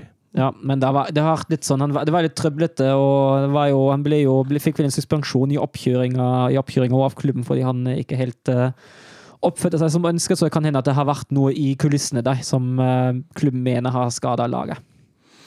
Og det blir, det, det, altså Hvis dette fortsetter for Borussia München-Gladbach nå, skal det bli vanskelig for Marco Rosa å forsvare det at eh, han allerede er klar for Borussia Dortmund. Ja, og han sa jo, han tok jo selvkritikk. Ja. Han mener jo at han har tatt inn eh, uro inn i laget nå etter kampen. Han sa jo at det går på hans kappe. Det er stort å innrømme, da. Er Men kan det hende de blir enige der om å la han gå? Det kan hende. Så dere den, eh, den pressekonferansen? Da de spurte ham eh, Var vel, var vel før Mainz? Var, ja, det var før Mainz, og så spurte de ham eh, spurte de ham, og så begynte han å snakke om jeg vet jo hvordan det går, og laget mitt må jo gjøre det bra, så jeg gjør det beste for Borussia Dortmund. Og så var det en som påpekte Men ikke glatt, da. Sa han det? ja, han sa det. Hvorfor har ikke det blitt en hit, da? Ligger på, ligger på Twitter. Den er fin! Den er fin! Den er, den er, Du veit hvor han har huet sitt da, vet du. Han er allerede videre. Han må jo bare bare Gladbach for fyka. Ja, jeg tenker det òg. Det er, men, men, samtidig, Edith Terzic blir vel ledig, så det er vel bare å bytte der. men samtidig, de har jo en viktig Champions League-runde foran seg nå. Da kan Ja, mot Manchester City, men uh, ser ikke, jeg ser ikke sjans, altså. Ja, Der blir det jevnt hvis Rose fortsetter, Thomas. Jeg er enig med deg. Vi går over til Frankfurt mot Bayern München, og det var en kamp jeg virkelig kosa meg med. Og, og bare inngangen der, da, med Frankfurt som har ti kamper uten tap eh, Altså, jeg hadde, jeg hadde høye forventninger. Litt nedfor når jeg så at André Silva ikke skulle spille, men uh, Luka Jovic kom inn. Og, Ja, og, det, det blir- greit. og det blir jo en, blir jo en morsom fotballkamp. For all del, for all del. Og det starter jo start, altså Jeg syns Bayern er fryktelig svake i første omgang, i hvert fall den første, første halvtimen. Den høyre høyresida til Bayern Ja, faktisk kan jo jagge Altså At de tjener penger på å spille fotball, det er jo Ja, altså nå, nå prøver han Syle på, på høyrebekk, og det var like stor suksess som, eh, som Sabra mot Bielefeld, som var en like stor suksess som Pavava i alle de kampene. For nemlig ingen, altså det er, Jo, men det er Én ting er jo Syle, men du har Boateng ved siden av, Ja. som gjør svært lite for å gjøre Syle god. Ja. ja, så har du jo Sané, uh, som ikke er den beste til å, til å jobbe hjem akkurat heller. Men fy søren så god han var i annen omgang. Sané, I ja, ja, ja, ja. Og, Og det forarbeidet der, da. Ja. Snakkes. ja. Men vi kan ta begivenhetene først. Kame, Kamada, Kamada, Kamada Kamada, mm. setter 1-0 der, og eh, Amin Jones setter 2-0, og det var et strålende scoring. Drømmeskåring. Kremmerhus, kan Ja. vi kalle det det. Ja, absolutt. absolutt. Men Eh, Sule er altfor passivt. Nei. Men Sule, altså. Se, altså han, se han når han har ball i beina. Er det Opamecano, er Opamecano en Syle om et par år? Ja, det kan fort være. Altså, han har jo fysikken. Ja. Men, men, men, men jeg tror ikke det går så seint med ballen som det det gjør med Syle. For det Altså, Det var ikke Syle liksom den nye stopperen på Jo. England? Nei, på England. På Ja, men var det. fikk en var det. grusom skade. Da. Ja, han fikk flere. Jeg tror han røyk korsbåndet to ganger. 25. Han har røyket korsbåndet to ganger allerede. Det er flere fotballspillere som har blitt ødelagt av det. Ja. Andrew Stonesen, husker du han? Før og etter skaden. Thomas Edvardsen, husker jeg. Ja, ja, ja, fint. Men vi, vi kunne satt opp en sånn elver med det, vet du. Spillere som var råe før skaden. Ja. Men Bayern, eh, Bayern begynner å bli misfornøyd med ham òg, så de, han spiller litt sånn på, under observasjon. da. Dra tilbake til Hoffenheim. Var det Hoffenheim? Det var Hoffenheim, ja. Ja. Han var det. Der hadde jeg flaks. Det hørtes ut som et kvalifisert tipp, men det er greit. Men, men du ser, men det, er- det er ikke, altså, altså, det er ikke bare defensivt. Du ser jo når Bayern angriper. Du har jo Davis eh, Davis overlapper jo oppe hele tida, og på høyresiden det er jo Sané som må gjøre alt sjøl. Det er jo ingen, eh, ingen hjelp å få fra bekken der, så jeg Nei, altså, altså Få en spille hele kampen mot Sané må gå til slutt. Altså, jeg skjønner det ikke. Nei, Altså. det er helt uh, ufattelig. Og Sané det forarbeidet han gjør på 1-2 til Lewandowski ut Ja. i annen omgang der. Han sender en Dika ut på pølse i brød to ganger, faktisk. Men hvem er han skulle dytta inn for Syla? Nei, jeg hadde, altså, Mot slutten de siste, de siste 10-15 minuttene å jakte mål, hadde jeg tatt inn Mosiala. og bare styrka, styrka angrepet der. Altså, Du sa jo akkurat i stad at Flikk er ganske Han er ganske sta når det gjelder formasjon. Ja, han er jo åpenbart det. Han er jo det. Uh, men at han altså bytter han ut rett før slutt bytter han ut Sané, som er den farligste spilleren de har i andre omgang, for å ta inn Javi Martinez. Ja, Altså, nei, det var merkelig. Hva, hva var er det for noe bytte? Det skjønte jeg ikke noe av i det hele tatt. Syns ikke det var, det var bra. Jeg hadde bytta inn Mosiala mye tidligere og da for Sule, for å skape litt mer trykk offensivt. Og jeg syns at Frankfurt fortjener å vinne den her. Den blir snytt for straffespark òg. Jeg lurer Ja. på hva VAR Det, tenkte på det der. var det, det, var det Men jeg lurer på hva dommeren tenker på, jeg, for han har jo utsikt til den situasjonen. Ja, ja. han. Men at heller ikke VAR tar det. Det er helt spesielt, altså. ja. Du kan begynne å lure. Ja, der som blir tatt av Davis. Davis, der. Det er åpen den Ja, det er soleklasse. Ja, ja, han er det. Og, og jeg syns de kan kontre inn 3-1 der. òg. jeg, syns det er helt fair at Ja. Frankfurt vinner dette. Altså, Bayern, Bayern, må jo sies at Bayern løfter seg jo i andre omgang. De, de skaper jo sjanser, og de er jo, de er jo det beste laget i andre omgang. Jeg syns det er helt greit at Frankfurt vinner. Jeg er helt enig. For all del, for all del. Frankfurt har skåret to plussmål i sine siste Altså to mål eller flere. I sine siste elleve kamper. Eh, utligner dermed klubbrekorden sin fra 1977, søren. Ja, det er sterkt. Ja, det de, de, de har fått til det offensive. Ja, der, men også, så, Du så jo det for et par år siden, når de gjorde det så bra i Europa League. Og så mista de hele rekka si, og så må de bygge opp på nytt igjen. Det er fryktelig slitsomt som klubb selvfølgelig over tid å holde på sånn, men nå har de en sånn up igjen. Mm. Og så går dette en sesong til hvor de gjør det bra, og så må de selge unna igjen. Hva var det som feila av Silva? Jeg, jeg veit ikke. Nei. Nei. Plutselig borte der. Ja, kjedelig. Eh, Schalke Borussia Dortmund til 158. revir-derby. Det har vært ganske jevnt sånn eh, totalt sett. Eh, begge laga kom ut i en 4-2-3-1, og, og Dortmund tar jo et tidlig initiativ her. Ja, de gjør det. De er jo, de er jo det styrende laget uh, helt fra start. Schalke ypper seg jo litt på, på noen overganger der. Uh, Schalke har god press på ballfører i egen halvdel, og Schalke forsvarer seg ganske ålreit. Og Dortmund, Dortmund sliter lenge uh, litt mot, uh, mot det etablerte forsvaret. Uh, og da den 1-0-skåringa kom, da tenkte jeg ok, det måtte bli sånn at det bli, Schalke blir tatt i ubalanse, og det måtte bli en sånn skåring også. Og det var jo fryktelig av Stamboli der. Gamle Tottenham-helten der som mister ballen egentlig to ganger. Ja. Ja. Han blir ikke noen ny Schalke-helt, i hvert fall. Nei. Og Sancho der setter han nydelig, og så kommer vel egentlig matchens høydepunkt fire minutter etterpå. ja, du tenker på skåringa til Erling Braut Haaland. Nei, han tenkte på det innkastet der.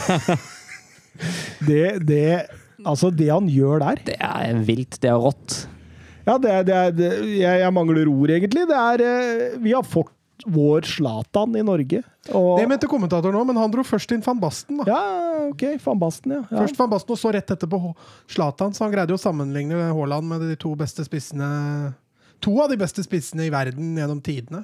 Ja, men du skal, se bort fra, du skal ikke se bort fra at eh, om ti år så sitter man og regner Haaland som en av de beste gjennom tiden. Altså. Nei! Og så er det veldig lett, tror jeg, når du som norsk kommentator kommenterer en Ja. sånn norsk Ja, ja. scoring, og Ja, ja. blir veldig revet med, da. Selv Det ville jeg blitt òg. Han kommentatoren der har jo en liten historie, men uh, så, så følte jeg det samme, liksom. At det, å, fy fader. Jeg, jeg, jeg så den kampen på iPad noen timer etter han var spilt på kjøkkenet fordi eh, resten av familien min skulle sitte og se film. Ja.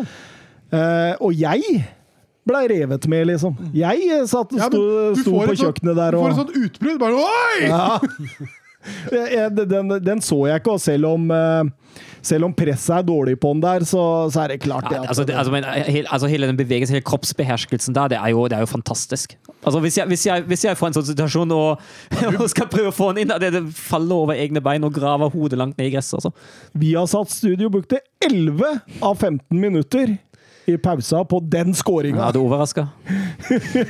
Nei, overraska. Jeg syns det var, var på sin plass. Ja, Ja. Vi, når så vi sist en nordmann er skåre et sånt mål i en topp fem-liga? Det er nesten sånn at jeg blir litt provosert hvis noen sier nisselue overfor han nå. Nei, ikke, altså, ikke på den skåringen der. Ikke på, på, på det der, altså. Ja, men jeg, jeg tenker sånn generelt på det Haaland presterer nå. Altså, det, det er ikke nisselue. Det er, altså, det er, det er så pure verdensklasse, uansett hvilket land du er Ja, kan, kan vi sammenligne han med noe tidligere norsk?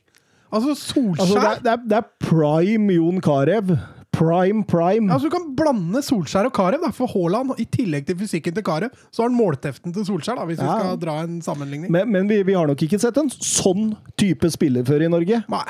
Ikke med det vinnerinstinktet. Det hadde ikke ass. Nei, nei, nei. nei. Altså, jeg tror det er akkurat sånn Carew kunne blitt, Ja, hadde han vært seriøs. Ja, det tror jeg òg. Hadde Carew brukt noen timer ekstra på treningsfeltet, så hadde Carew vært en Haaland. Det kan godt hende. Ja, det, men det, det, er, det er helt sjukt. Jeg, har, jeg mangler ord på det han leverer, faktisk. Eh, Han har en spisskompetanse. Han har altså, Han har ikke én spisskompetanse, han har mange! Og han kan score på alle mulige måter. Han kan han bærer laget fram, han viser vei. Han, motstandere er livredde, det ser du! De er livredde for han! Altså, jeg, jeg er ganske sikker på at eh, på hvert eneste taktikkmøte før du møter Borussia Dortmund, så er det Haaland og delvis Sancho. Det er de det fokuseres på hele tida i det Ja, Hvis du ser bort fra angrepsmønster og sånne ting. Ja. Hvis du tar for deg enkeltspillere. Det er jeg helt enig med deg i. Eh, og jeg tror også Sevilla hadde en plan. Garantert. Garantert. Det, altså når han er i den formen han er nå Det er ikke så mange ukene tilbake vi skal før vi lurte litt på hva Haaland og, Ja, han var litt og. Dortmund dreiv med, men nå det er jo som du sier, da. Tar du Haaland ut av det laget der nå, så hadde de ikke slått Sevilla. Og de Nei. hadde kanskje ikke slått Schalke. Du hadde slått Schalke. Ja, Alle- alle slått- slår. Alle Schalke. Men eh, ja, og Christian Gross eh, til pause der. Han gjør et par bytter og prøver å, å, å løfte laget litt. Det, det, jo, det blir jo litt sånn positivt helt i starten der. Før, Det eh, blir positivt, og jeg syns jo den, det sykdomstegnet til Dortmund med rot i forsvaret, det, det er jo fortsatt deg. Ja det, det er det. det er jo det. Det er ikke noe, ikke noe kontroll, ikke noe stabilt. Nå har vi jo skjelt ut uh, stakkaren i flere episoder, men den redninga Hitsa etter 50, den er jo enorm. Uh, den redda han i stolpen. Uh, nydelig, nydelig gjort. Og så kommer 3-0 etter 60, og da er jo kampen over. Da koser Dortmund seg ut og kontrollerer. og ja. Og Haaland får det til. Haaland får det til. Det er Herlig spill, herlig engelsk kombinasjon av uh, Sancho og Bellingham i forkant. Sancho er bra, altså. Mm. Jeg tror Sancho har 35 Bundesliga-mål nå. Det er den yngste gjennom historien som når 35. Ja. Eh, Det er til Haaland kommer opp i den alderen. ja. Vandal, han spør på Twitter eh, Blir Haaland og Mbappe det nye Ronaldo og Messi? Mases mye om det for tida? Jeg syns det er litt vanskelig. Uh, Ja, søren, det blir det. Nei. altså, du har du, Du har- hater en Bappe òg, da. Herregud, ass. Full av hat! Full av hat! Du har sagt det, sagt det forrige, forrige episode, Thomas, da vi snakket om draften. Messi er etter min mening verdens beste fotballspiller gjennom tidene. Uh, og det, det er en Ronaldo nest best? Den gamle. Den gamle Marad- El Maradona, Fenomeno? Maradona, men Ronaldo, Ronaldo er i hvert fall i topp ti. Eh, Ja, Det, 20. det, det, skal, det skal jeg inn. Det skal jeg inn. Topp ti. ja, kanskje topp fem til og med. Uh, står jo litt, uh, tanken tanker på Pelé òg. Det er spillere jeg ikke kan sammenligne med, for jeg husker ikke det så mye likevel. Men uh, altså, altså er det jo noe med den rivaliteten Messi og Ronaldo hadde. Messi i, eh, Messi i Barcelona, Ronaldo i Real. Rivalitet mellom klubbene. De to dominerer uh, gullballen i en dekade. Eh, jeg tror det skal mye til for at vi opplever et så dominerende par. Vi har mange andre veldig gode, unge, lovende spillere. At Mbappe og Haaland er og blir absolutt verdensklasse, det er ingen tvil om. Eh, om de kommer på Messis og Ronaldos rivalitetsnivå og nivå i spillet, det er jeg litt mer Den siste der er jeg kanskje enig med deg i, men det at det kan bli den nye sånn rivaliserende greia i fotball-Europa, det kan fort være. Det har jo Altså. allerede begynt litt med at Mbappe feirer Ja. litt som eh, Haaland, og Haaland er ute og sier at Mbappe gir motivasjon. Og, Ja. Men det kommer jo litt, kommer litt an på klubbvalget. Altså, det er jo lett å, lett å være litt sånn, litt sånn eplekjekk, når du, men når du spiller i Dortmund og PSG, har ikke det så mye å si. Hvis Det er ikke Barcelona Real Madrid Nei, hvis- Prime. Men hvis- det kan hende de to møttes der uh, Ja, etter hvert. Dritfett! Ja, det, da blir det jo noe helt annet plutselig. Da blir det jo veldig gøy. Men som sagt, det, det handler jo om at Messi og Ronaldo har dominert så mye gjennom så mange år. Ja, ja det, det, det blir for tidlig å si. og det det er som du er inne på, det er mange mange av de vannskorpa også, som ligger og kan bli store, store fotballspillere. og Leste en også som dro fra Marcus Rashford, hvis dette fortsetter, som en av de også som kan dominere oppi der. Er ikke han blitt 24 eller noe sånt? da? Jo, han er vel noe sånt men det Altså, er, det er vel bare et år eller to så- mer enn Mbappé, det. Ja, det er det kanskje. Men likevel, da, når Messi og Ronaldo var 24, så hadde de allerede vunnet en Ballon d'Or, og de var eh, Ja, nei, det, det, det er voldsomt. Det er voldsomt. Eh, Men eh, når du snakker om Ballon d'Or, så spør Sandra oss på Twitter om kan vi få en norsk Ballon d'Or med vinner framover? Ja. Ja. Å, deilig svar. Deilig svar. Men kan. Eh, 80% sjanse. Mm. Martin Ødegaard tar det til slutt. Vebjørn Fredheim, Terzic sin re eh, revansj, eller eh, avskrev dere han for fort? Mos av eh, Sevilla og Schalke nå, snur det i Dortmund? For tidlig å si. Altså, jeg syns den Sevilla-kampen den den er jo bra, for all Schalke hadde alle slått. Den, den kampen der tror jeg ikke skal brukes som noe Nei, det er akkurat det. det og så syns jeg ikke det er en 4-0-kamp heller. Jeg syns 4-0 er veldig godt betalt. Jeg syns Dortmund sliter i, eh, i nesten 40 minutter mot, eh, mot etablert forsvar til, til sisteplassen. Uh, og jeg syns altså de sykdomstegnene vi har sett i Dortmund før, med tanke på slitt, slitt mot etablert spill, med tanke på særlig rot i forsvaret, de er jo ikke borte. Men Sevilla-kampen var bra. Ja, det er jeg enig i. Men, men, men måla mot Schalke i hvert fall, det kommer jo ikke av noe fantastisk blenda angrepsspill. Det kommer jo av enkeltmannsprestasjoner. Og- og- 4-0-goalen var jo fin. Ja, for så vidt, men da har Schalke gitt opp. Ja. Eh, Hertha Berlin, RB Leipzig. Eh, Leipzig måtte opp på hesten igjen etter 0-2 mot Liverpool på nøytral bane. Det der med nøytral bane det tror jeg kan ha ødelagt litt for dem. altså. Ja, det kan virke sånn, for all del. Og tyske myndigheter som ikke ville slippe Liverpool inn. Ja, engelske lag er ikke, ikke en glapper må jo spille i, eh, spille Bucuresti nå, tror jeg. Tenk, det er Mot pro, City. det er pro uh, engelske lag i de duellene der. Var ikke Molde Hoffenheim i Spania? Ja. LSK kvinner mot uh, Wolfsburg må jo spilles i Ungarn. Det, er- det, er- Det er nice. Flytter vi hele alle disse kampene rundt omkring i Europa, så er vi sikre på at dette ikke sprer seg. Ja, Bayern München, da? Nei, de spiller vel hjemme for Lazio. Det er ikke, det er ikke engelsk, det går greit. Ja. Men uh, Molde er norsk. Ja, men Norge, Norge nekter, jo, nekter jo å få la idrettsutøvere komme inn uten karantene.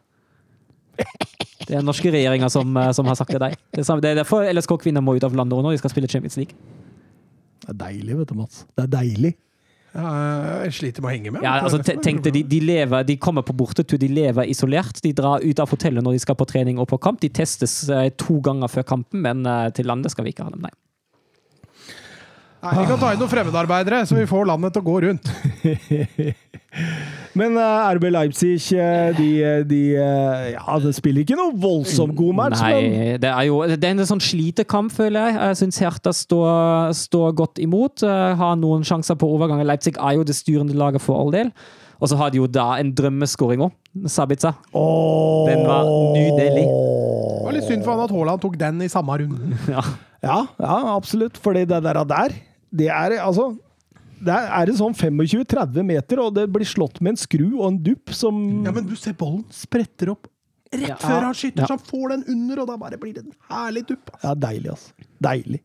Sabitzer som forresten har kommet seg vekk Eller kommet seg Komme seg etter vekk, er den Tottenham. Ja, det er det, altså. Kommet seg etter den skaden og leverer på samme nivå som vi kjenner nå, Søren. Ja, jeg syns det. Jeg syns han var enorm i den kampen òg. Helt fantastisk. Og så har jo Leipzig går jo en litt mer kontrollerende modus igjen eh, etter pausen. Jo, jeg syns de er det beste laget uh, i, uh, i andre omgang, og når de skårer to mål, selv om Hertha har noen sjanser. Uh, Har noen overganger der, Heita. Ja. Konya Ja. burde ha straffa gamle lagkamerater et par ganger. Han bør det. han bør det. Men man, man sitter liksom i en følelse når, når Mokiele setter 2-0, at nå er, det, nå er det i boks. Ja, og det blei en grei 0-3 til slutt. Og, og da går vi over til støvellandet Italia, for der var det toppkamp. Der var det skikkelig toppkamp. Det var derby eller del Madonina, er det det heter? Og Zlatan mot Lukaku, de to De, de begynner å hate hverandre nå. Ja, og den feiringa til Lukaku, det er nydelig. Det er jeg som er best! Det er jeg som er best! Dio, Dio, Dio, roper han vel. Ja. Det er deilig, ja, altså! det er nydelig. Det er helt konge. Det er nydelig, men, eh, men, uh, Dio, er ikke det Gud? Jo. Ja, men eh, for en åpning av Inter. For en åpning av Inter. Ja, det sa bare bang. Og måten Lukaku parkerer Romagnoli Ja. på der Ja, herlig. ha, det, ha det bra! Det var akkurat det samme han gjorde med Paolo, pa, Paolo i eh, forrige runde. Strålende Lukaku. Han er i kjempeform nå, men, men Milan jobber seg inn i kampen. Ja, jeg sy altså, ja, de gjør det, og jeg syns særlig i, eh, i begynnelsen av andre omgang da er de fryktelig nære. Du har jo noen uh, monsterredninger av Fantanovic der. Ja, Zlatan må jo ha mareritt om han der keeperen her etter den kampen. Jeg trodde ikke han hadde det i seg lenger. jeg. Nei, jeg trodde vi- hadde avskrevet han litt. Vi hadde, vi hadde jo det òg. Vi sa jo at for, da vi kåret, eh, kåret eh, best eh, serie A-lag, for et år eller to siden, da hadde han Danovic vært med, men vi ga han til Donnarumma. Men den kampen var han strålende. Det er ikke noe Donnarumma får gjort noe særlig med de måla. Nei, han gjør ikke det. Nei, absolutt ikke. Kan ikke laste han for noe baklengs.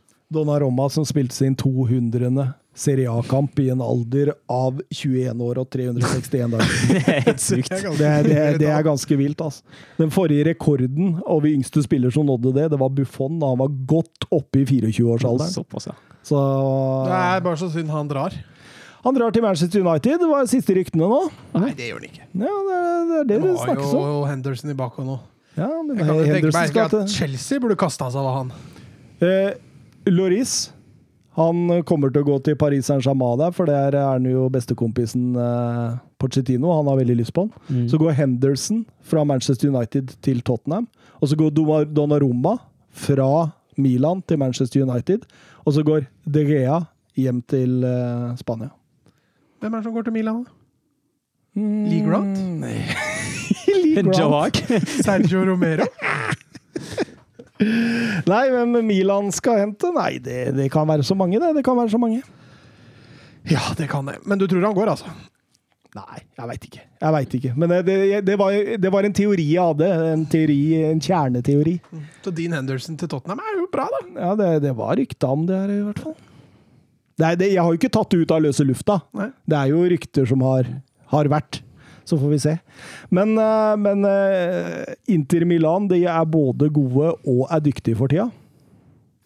Ja, nå, den kampen her er jo faktisk ganske solid. Ser du bort ifra de ti minutt kvarteret i starten av andre omgang der, hvor Milan burde ha skåra, så syns jeg de har eh, OK koll på dette. Mønsterkontring på 0-2 der. Strålende. Altså det, det er kontofotball for meg. Det er der du ser der. Ja, og det så du mye av Det har du sett mye av tidligere på de gode årgangene til Konto. Uh, og det er bra vi får en rett nå på den gode andre sesongen til Konto, tenker jeg. Ja, det, Den, uh, den sitter godt hvis den blir skudetto nå, og liksom det, det bare perifererer uh, rekka til eh, Juventus, så har vi treffet bra på spådommene våre. Ja, det har vi. så vi får bare håpe at dette holder inn. For det Lukaku gjør 3-0, roper 'jeg er best' eh, til kameraene for, eh, til Zlatan, egentlig. Ja, og så ser man, ser man at kameraene tar jo hint og viser Zlatan med en gang. Så var det en kamp i går. Juventus eh, Crotone. Ja, det blir vel som forventa eh, Ronaldo kunne hatt to hat trick. Ja, kunne det. Ja, og mye på huet. Ja. Det er mye innlegg han får der. Uh, han er en fantastisk hodespiller, så det blir farlig hver gang. Men uh, det er bare to av dem han får i mål, altså. Men det blir jo ikke noe spenning her, fordi etter 1-0 og 2-0 der, så Og jeg syns dette, tross dårlig motstand, er en av de bedre offensive Juventus-kampene jeg har sett på ganske lang tid. Ja, enig. Syns de øh, Syns uh, Heier allikevel litt på underdogen, altså. Sitter og og Crutone får den lille sjansen de har i starten her, Der, er, faen, det er jo- Men øh, Juventus klatrer da opp med den 3-0-seieren opp på tredjeplass. Åtte poeng bak Inter, fire bak Milan. Eh, Har en hengekamp. har en hengekamp, så det, det blir spennende å se hva som skjer oppe i toppen der nå. Men det er vel de tre laga det først og fremst står mellom. Ja, det gjør nok det. Milan ser kjørt ut. Altså. Ja, tror- Det er eh, fryktelig trist å si det, men eh, jeg tror de skal konsentrere seg om å få en medalje. Det tror jeg også. Eh, vi fikk eh, et Twitter-spørsmål for en uke siden av eh, Geir Halvor Kleiva. Forslag til drømmeelver. En ambidexter eleven. Tofota eller likefota, som noen liker å kalle det. Klarer dere å sette sammen en hel elver av slike delikatesser? Noen av mine favoritter, David Villa, Arshavin, Hoeng Min Son, Adriano, Barcelona-bekken, vil kanskje være noe utfordrende i bakre rekker. Eh, Vi har jobba på det, vi, Søren. Vi har det. Så vi skal gi Geir Halvor Kleiva, eller Stig som jeg liker å kalle han, eh, en elver. Og eh, vi kan begynne bakerst. Eh, Har vi noe nominerte, folkens? Ja, jeg har egentlig funnet et eh, ganske greit valg på keeperplassen, ja, og da, da har jeg satt eh, Manuel Neuer. Eh, både, bar, både tobeint og elegant i spillestil, så jeg syns han føyer seg utmerket inn i en sånn, eh, sånn LV. Ja, du har to utfordrere i England, og så har du en i Barcelona. Eh, Ter Stegen er kanskje den ene Jo, jo, det er en til, selvfølgelig, men den eneste Barca-spilleren som går an å nominere til det her, tror jeg. Ter stegen, ja. Mm. Og så tenker du på Alison og Ederson. Mm. Mm. Ja, ja, nå har jo Alison har ikke lagt inn gode aksjer nå siste, men uh, Men han er fortsatt god med ball i beina. Han er fortsatt En bra keeper med ball i beina. Kan si at uh, den hjerneblødningen han hadde for et par-tre runder siden, den, uh, den eh, utelukker han fra denne, denne her. Jeg, jeg faller på Noyer, selv om Ederson er Han er ikke langt bak. Nei, han er jeg syns de krosser at Stegen og Ederson med feil bein. Mm. Det er ganske spinnvilt å se på, altså, for de slår dem 50-60 meter med feil bein. Mm. Altså, hvis jeg prøver å slå en ball med venstrebeina, altså jeg kommer jo knapt utafor 16-meteren. Mm. Så det er trening og styrke og mye som ligger bak. Altså. Hvem eh, går du for, Mats? Nei, Noyer. Ja, det gjør jeg jo.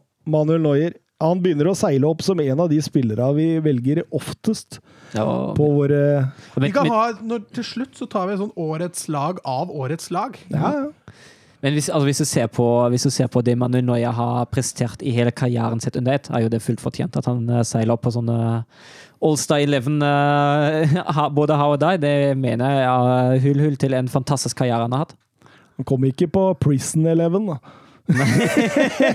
Kanskje like så greit. Det er vel ingen der som truer om årets lag, Mats? Nei, der hadde vi fått trøbbel med å få inn noen, tror jeg. Kanskje han har sin? Bare fått den inn. ja, Høyrebekka-gutta, har vi noen uh, navn? Ja, jeg, jeg eh, kommer på den gamle tyske VM-helten Andreas Bremer. En av de få spillerne som har skåra på straffespark i VM Alltid trodd han var venstrebekk. Han er høyrebekk. Eller han, han kunne spille, spille Det begge er et bekker. godt tegn på at han er tofota. Han Ja. kunne spille begge bekker, tror jeg. Eh, men han skårer i hvert fall eh, med både venstre og høyre på straffespark i VM, og det er jo et godt tegn. Men, men VM-finalen i 1990, da var det venstreback. Ja, det var det venstrebekk. Ja. Stemmer. Men jeg mener at han også kunne spille høyrebekk. For da Thomas Berthold på høyre. Mhm. Mm. Men der har du, kan du velge litt, da. Fordi sånn som Adriano som ble nevnt, kan jo spille begge bekker. Philip Lahm eh, kan jo spille begge bekker. Eh, Rob, eh, Robbie Williams, holdt jeg på å si. Brandon Williams kan jo spille begge bekker, så jeg har flere å velge mellom der. altså. Mm, mm. Men Dani Alves òg. Jeg nesten så vurderte han òg, for han var så god på utsida. Han kunne også dra seg inn og så slå innlegg med utsida. Med utsida. Ja. Men da er det Da ikke er det ikke med- tofota, så han Nei, jo da. Det er, det, er som regel de som drar seg inn for å slå med utsida, de har virkelig ikke to fot. Men han slo like bra med innsida og utsida, da. Eventuelt kan vi også ta Sambrotta. Ja, ja, ja, ja, jeg synes han er nesten. Altså, han er i hvert fall tofota og en eh, god høyreback. Bremer har jo kanskje spilt litt mer på venstre, så det er kanskje mer naturlig å ta Sambrotta Ja, der. jeg, jeg har eh, Andreas Breme som en mulighet på venstreback. Eh, Jeg har også selvfølgelig han Adriano. Han var jo, var jo veldig tofota, da. Han var litt som Dembeleli, som hadde Han veit ikke Jeg var ikke sikker på hvilke bein han hadde. Men ja. Jeg kan godt kjøre, kjøre Sambrotta på Ja. høyre og, og, og Breme på venstre, jeg. Ja, funker fint. Ja, da gjør vi det. Da gjør vi det. Det er eh, Det er faktisk ganske nydelig. Um, stopperplass, da? Ja, det er jo én som, uh, som utmerker seg noe veldig. Okay. Paolo Maldini. Ja. Det, det var godt du sa, for han og jeg. Det var den jeg tenkte òg. Ja, altså Stoppeplass var kanskje den vanskeligste plassen, for der har du veldig ofte utprega høyre- eller venstrebeinte spillere, så den, den var ikke så lett. altså. Du har en, en eh, forsvarsbauta i Leicester som er veldig tobeint. Johnny Evans. Det visste du kanskje ikke. Men uh, van Dijk er også ganske tobeint. da. Jeg landa jo på han, jeg, da. David Louis Ja. er ganske tobeint. Ja. Men han er ikke god. Vi skal vel ta ut de beste, skal vi ikke det? Eh, Mats Hummels har et eh, bra, bra, bra høyrebein. Som at en eh, gammel midtstopper i, i Er Hummels skeivbeint? Venstrebein. ja. Nice, da lærte jeg noe i dag. Da er han god med høyra, ja. Ja. Nei, da går jeg bytter, jeg. Jeg tar Hummels, jeg. ja, du tar Hummels, Ja, ja. siden av Maguire. For der har du jo spisskompetansen til Hummels. Ja, Mm, ha det. Fant også en gammel en eh, i Italia, eh, på Inter. Ricardo Ferri. 45 landskamper for, for Italia. Spilte på slutten av 80-, begynnelsen av 90-tallet. Ja. ja, ja. Ja. Han har jeg aldri aldri sett, så jeg kan ikke stemme på han. Hva med Hummels og Valdini? Ja, jeg er med på den. Det er to skjærbeinte, det. Ja, som er gode med høyre. Ja. Det er ikke ofte du ser i moderne fotball. Nei, for du hadde en teori, Mats. Ja, jeg sa bare det at venstrebeinte er veldig sjelden gode med høyrebein, mens de med høyrebein litt oftere i hvert fall kan være god med venstre. Nå begynner det vanskelige å, å komme. Det er fordi det er mange. Ja, det er veldig mange. Eh, høyre kant. George Best. Oh. Altså, for å være litt sånn nostalgisk, kan men eh, George Best seiler jo opp som en god kandidat her. Du finner vel knapt nok i eh, eldre fotballhistorie en mer tobeint spiller enn George Best. Han var god med begge hendene òg, men det var i barn. Å ja. Baren, ja. Bare barn. Åssen klubb er det, da? Og spilt en håndball i Jeg tenkte mer på små mennesker, da. Nei, jeg, jeg har jo ikke sett Best noe særlig, da, men uh, Dembélé landa jo jeg litt på. da. Han er jo fryktelig tofota. Mm. Ja, for han har vel fått et spørsmål om åssen bein han er best med. Ja, han klarte ikke å svare på det. Så, men jeg tror han er skeivbeint. At han er venstrebeint, for han liker best å trekke seg inn fra høyre. Mm. men han skyter jo knallbra med begge bein. Ja. Han kan vi jo vurdere i venstre kategori nå. Det går an. det går an. Men i og med at alle her er tobeinte, så kan vi jo egentlig vurdere dem på begge. De kan være overalt. De kan faktisk være overalt. Men jeg, jeg, jeg trigges litt med å ha med bedåreren George Best på laget. Ja, det hadde Jeg vært kult, det altså. trigger litt. Det er liksom et eller annet, så jeg, jeg, jeg går med på Søren der, jeg, altså. George Best. Han, han eh, Jeg har er aldri, nesten litt aldri sett han spille. Og jeg har sett noe YouTube og noen filmer, Mm. så det, det, det holder det, altså, for at, å se at det der er en underholdningsmaskin ut av en annen verden. Klipp på sånn og måten han var på, det har man sett eh, ofte, ja. Og du finner vel ikke en fotballspiller med flere kule sitat enn den mannen. Det, det er helt enormt. Eh, Venstrekanta, gutta. Da ble jo Dembélé most inn i den gjengen, og, og her er det ganske mange som hadde på en måte venstre kant som sin. Kunne skjære både inn og skyte med høyre, kunne gå rundt. Altså, vi snakker Son, ikke minst. Neymar. Eh, Riberi, Arshavin, Nedved, Dembélé, som vi har nevnt. Det er, her er det mye. Marco Reus, faktisk. Marco Royce, ja. Ricardo Quaresma. Eh, for eksempel. Ja. Så her er det mye, altså. Ivan Perisic. Å, stemmer, stemmer, stemmer. Han er ganske tobeint. Eh, det er vanskelig valg. Her er det mye godteri. Fotballgodis. Mm. Ja, jeg lander på Dembélé, altså. Ja, jeg kan godt være med på, på Dembélé med tanke på at han faktisk ikke vet hvilket bein han bruker engang. det er hvilket bein som er best for ham, så da er jo det egentlig en, eh, en fin spill å ha med i det laget. Det er helt greit for meg, det. Dembélé, det, det er nydelig. Skulle gjerne hatt med Son. Kan vurdere den som spiss. Ja, men det er mye gode alternativer der òg. Ja, det er jo voldsomt mye. Eh, sentrale midt, da? Oh, da er det jo, den avgjørelsen blir jo, den Nei, blir jo kommer ikke utenom er For en nydelig fotballspiller. Ja. Og så har jeg men nest... men, men, men de, de, de, se, se navnene på de fire siste på lista mi. Johan Cruyff. Zinedine Zidane. Glenn Hoddle. Michael Laudrup. Altså, jeg syns jo med tanke på at da vi tok de, uh, tok de lagene fra 2000 til i dag, og Zidane var stang ut hele tida, må vi jo ta han med nå én gang, i hvert fall. Jeg syns han, uh, han bør være med på det laget her, ja. Ja, jeg sa vel det sist òg. Hvis vi har muligheten til å ta med Zidane, så tar vi med Zidane. Han skåret sånn- vel målet mot Bayer Leverkosen med venstre. ja der, det- Altså, det er litt sånn som det ordtaket med Batman. Altså, du må være den du er, bortsett fra hvis du kan være Batman. Mm. Vær alltid Batman. Ja. Og Derfor er jeg litt sånn Zidane. Ja. Nei, men vi, vi ringer Zidane. Det er helt greit. Det er helt greit. Schneider, Kroos, Pirlo, Alonso, Modric, Cruyff, Hoddle, Laudrup. Oi. Dette er Oi! Oi! Det Brøne. Ja, nei, kanskje ikke Casorla var et så- Bare dra inn flere, du, Søren. Ja, ja. Det- er fint, det. Kanskje ikke Casorla var det opplagte valget likevel. Nei, jeg, jeg, det er ikke nødvendigvis, men eh, at han, eh, at han helt klart er oppi der. Det Ja, her er det jo mange som forsvarer en plass, da. Har du noe favoritt, Søren? Altså fra, fra, rein, eh, fra mitt eget så Jeg digger jo Kevin De Brøne. Han, han er jo ikke helt nøytral, han var i Wolfsburg, så det er jo, det er jo den ene. Hvis du ser på rein sånn fotballgodteri og fotballnostalgi, uh, lander jeg jo litt på Andrea Pirlo. Ja, hvis du tar De Bruyne, da, så tar jeg Cruyff. Og så tar du Modric. Så har vi alle en sånn tidligere Nei, da tar jeg Hoddle. Hoddle. Glenn Hoddle. Ja. Det var jo eh, Det var jo en elegant, da. Og en tofota elegant. Mm. Kreativ, målfarlig. Eksepsjonelt merkelig vesen, egentlig. Han hadde mye rart for seg. Han var engelsk landslagstrener der, så klarte han vel også å si at hvis du hadde Downs syndrom, så var det en straff på gjerninger fra de tidligere liv.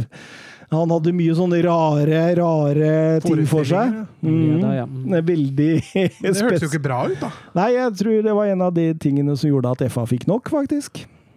Ja, Det skjønner jeg. For som trener var jo også Glenn Hoddle ganske bra, altså. Det han har oppnådd som trener. Eh, en, Ja, nei, Da velger ikke jeg Glenn Hoddle.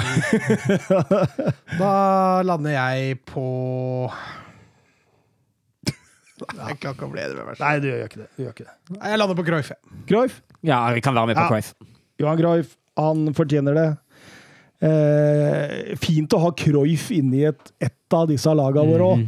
Ja, det Det er ikke så ofte vi får muligheten til den. Nei, Nei. Det fortjener han. Og da går vi over til angrepsspillere, da. Ja, Det, det er bare også nok å plukke fra. Men hvis vi har med Cruyff, vi må nesten ta med Pelé da. Pelé? Ja. Altså, en av verdens aller beste fotballspillere gjennom tidene. Ja Jeg aner ikke om han har tofot. Nei, det, det, det veit ikke jeg heller. Ut ifra det jeg har lest, var han det. Mm. Han er i hvert fall med på lista mi. Ja. Da var det ganske tydelig at han har to foter, men eh, hvor god kildene er, det eh, Nei, det er sånn, jeg har Alfredo Di Stefano mm. på lista mi, jeg òg, men jeg vei, altså, det er jo bare ting jeg har lest. Jeg har jo ikke opplevd, jeg har ikke sett. Men åpenbart så var han tofota. mm.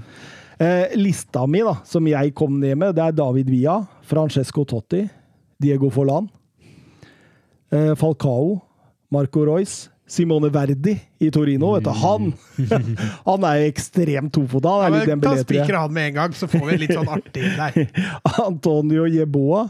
Roberto Baggio. Det var eh, mine mine små, få smykker. Så du fikk ikke inn sånn allikevel? Jeg kan godt ta inn sånn der, jeg, altså. Som spiss. Han er strålende. Strålende tofota. Men uh, har vi noe ønsker rundt der? Ja, Verdi og Totti høres ut som en eh, Verdi og Totti. duo, da. Men Ja, men originale Ronaldo, da? ja, han også var tøff. Ja.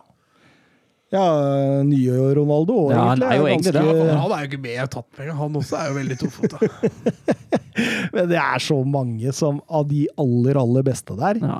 Som, men spørsmålet er ok, skal vi ta de som var veldig god med begge bein, eller skal vi ta med de Med stort navn. Ja, ikke sant? Det er, det er, det er, litt, det er litt sånn vanskelig, fordi hvis du skal ta tofota, så er Simone Verdi der. Ja, Mm, ja. det var derfor jeg spikra. Han og Ja, Totti. ja. Kan vi ikke ta de to, da? Ja, Totti og Simone Verdi. Verdi og Totti. Det er morsomt, det.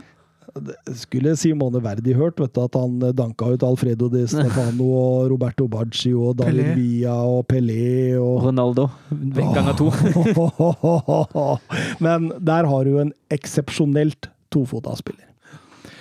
Det Nydelig, nydelig. Da blei laget Stig Halvor Kleiva. Da blei det Noyer i mål. Det blei Sambrotta på Sa du Stig Ja, sagt det Stig moro, for moro. Jeg så dere reagerte med en gang.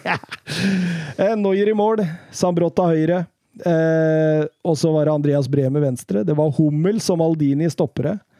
Det var George Best på høyre, og det var Dembélé på venstre, var det ikke det? Jo. Jo. Mm. Cruyff og Zidane sentralt. Med Simone Verdi og Francesco Totti på topp. Da fikk, eh, av eh, Geir Halvor Kleiva sine favoritter, da, så fikk han med seg akkurat null. Hvem var favorittene? Via Adriano? Via Adriano, Son og Arshavin. Men Son og Arshavin går jo på samme posisjon, så han kunne jo ikke fått fire. Jeg kunne jo flytta én på topp, da. Ja, kunne flytta Son på topp. Ja, men skulle liksom Men, eh, men, men Geir Halvor kan jo bare ta vårt utgangspunkt her nå, og så flette inn de han likte best. Ja. Så får han et ålreit lag òg. Det, Jeg tror, det, jeg, jeg tror det, jeg tror det er mulig å ikke få et ålreit lag med sånne spillere, altså. Ja, jeg tror det. All, til aller eh, slutt så vil Jørgen be ready at vi skal eh, forutse Champions League-runden for i dag, som er vel ferdig nå? Ja, snart. Nei, nei, nei. Nei Og- første omgang har begynt. Første omgang Nei, andre omgang har akkurat begynt. Ja. Eh, Så eh, vi skal forutse den, og så skal vi forutse morgendagen. Mm. Vi kan begynne med Atletico Chelsea. Den er tøff. Det er, det er skikkelig tøff. Ja, nå har jo ikke Søren sett resultatene heller, så nå vinner Jeg har ikke sett resultatene forrige gang. Jo, du tippa resultatene akkurat Vet du hva, Jeg satt og så de kampene og tenkte det der må Søren ha. For når du tippa 1-0 til Liverpool, Ja, tippa ja, da var det 1-0 til Liverpool når du tippa Var det det? Ja. Og når du tippa 2-1 til PSG, veit du hvor mye stillinga var da? Var det 2-1, Da var det 2-1 til PSG, Søren! Jo, det er ikke tull! Du kan gå tilbake og Ja, sjekke. det er greit. Men eh, jeg, jeg tipper jo, altså når det er 40 minutter igjen, tipper jo ikke de samme resultatene som det er. Nei, nei, jeg bare sier det er litt uh, Nei, du hadde lagt på et bål her og der. Jeg måtte ha gjort det. Ja. 2-0 til Liverpool og 4-1 til Ja, noe, sånt. Ja, jeg burde ha gjort det. Uh, nei, Atletico og Chelsea de slipper jo slipper ikke, eller slipper ikke mye inn, begge to. Eh, 1-1. Hadde dette vært for en måned siden, så hadde jeg satt 2-0 til Atletico Madrid. Mm. Men nå sier jeg faktisk 0-0-1-1, jeg òg. Mm. Et eller annet der. Jeg tror Chelsea tar det. Uh, 0-2. 0-2. Oi. Nei. Jeg er ikke enig med deg. Skal jeg gå inn og sjekke? Nei, for jeg har lyst til å kose meg litt etterpå. Um, Lazio Bayern München. Da tror jeg begge slipper inn, så det blir 1-2.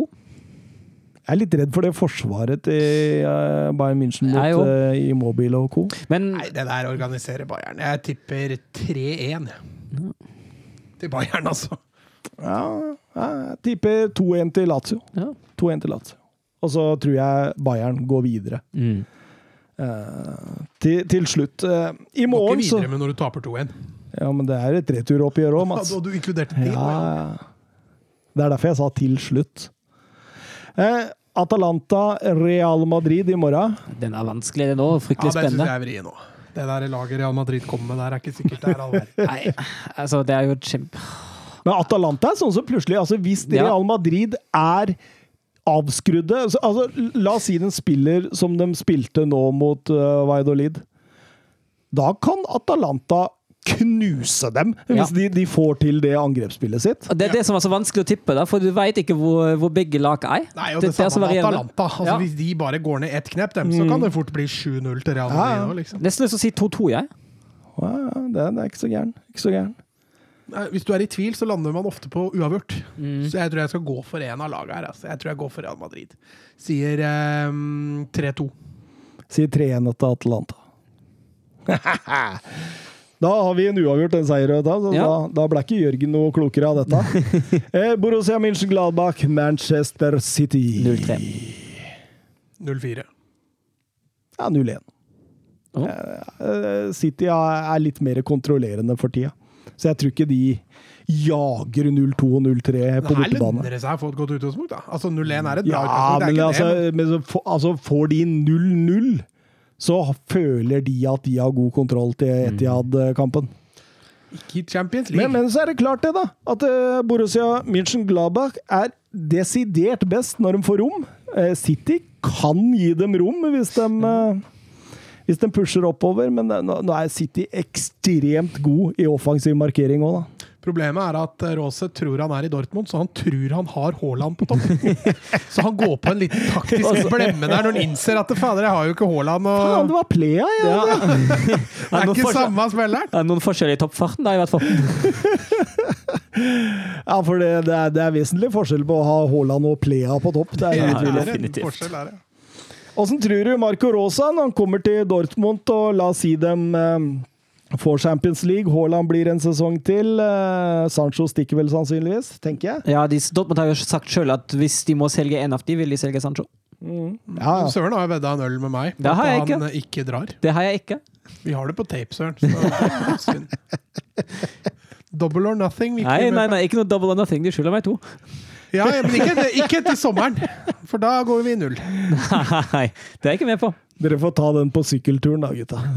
Ja, jeg skal kjøre ved siden av. Jeg har drikket to øl, Søren. Sånn. Kjøre og drikke to øl, er det så klokt? Så til UP langs Sørlands eh, i, i juni-juli et eller annet gang. Da bare stå der med alkometeret, for da, da skal Mats drikke et par øl og kjøre. Hør på 90 minutter i tillegg da, Mats, når vi kjører nedover der. Jeg Syns jeg Ja, den var gjennomtenkt. Søren i sykkelshorts. For du, du får, du, det, er, det er ikke noe overlatt til tilfeldighetene da.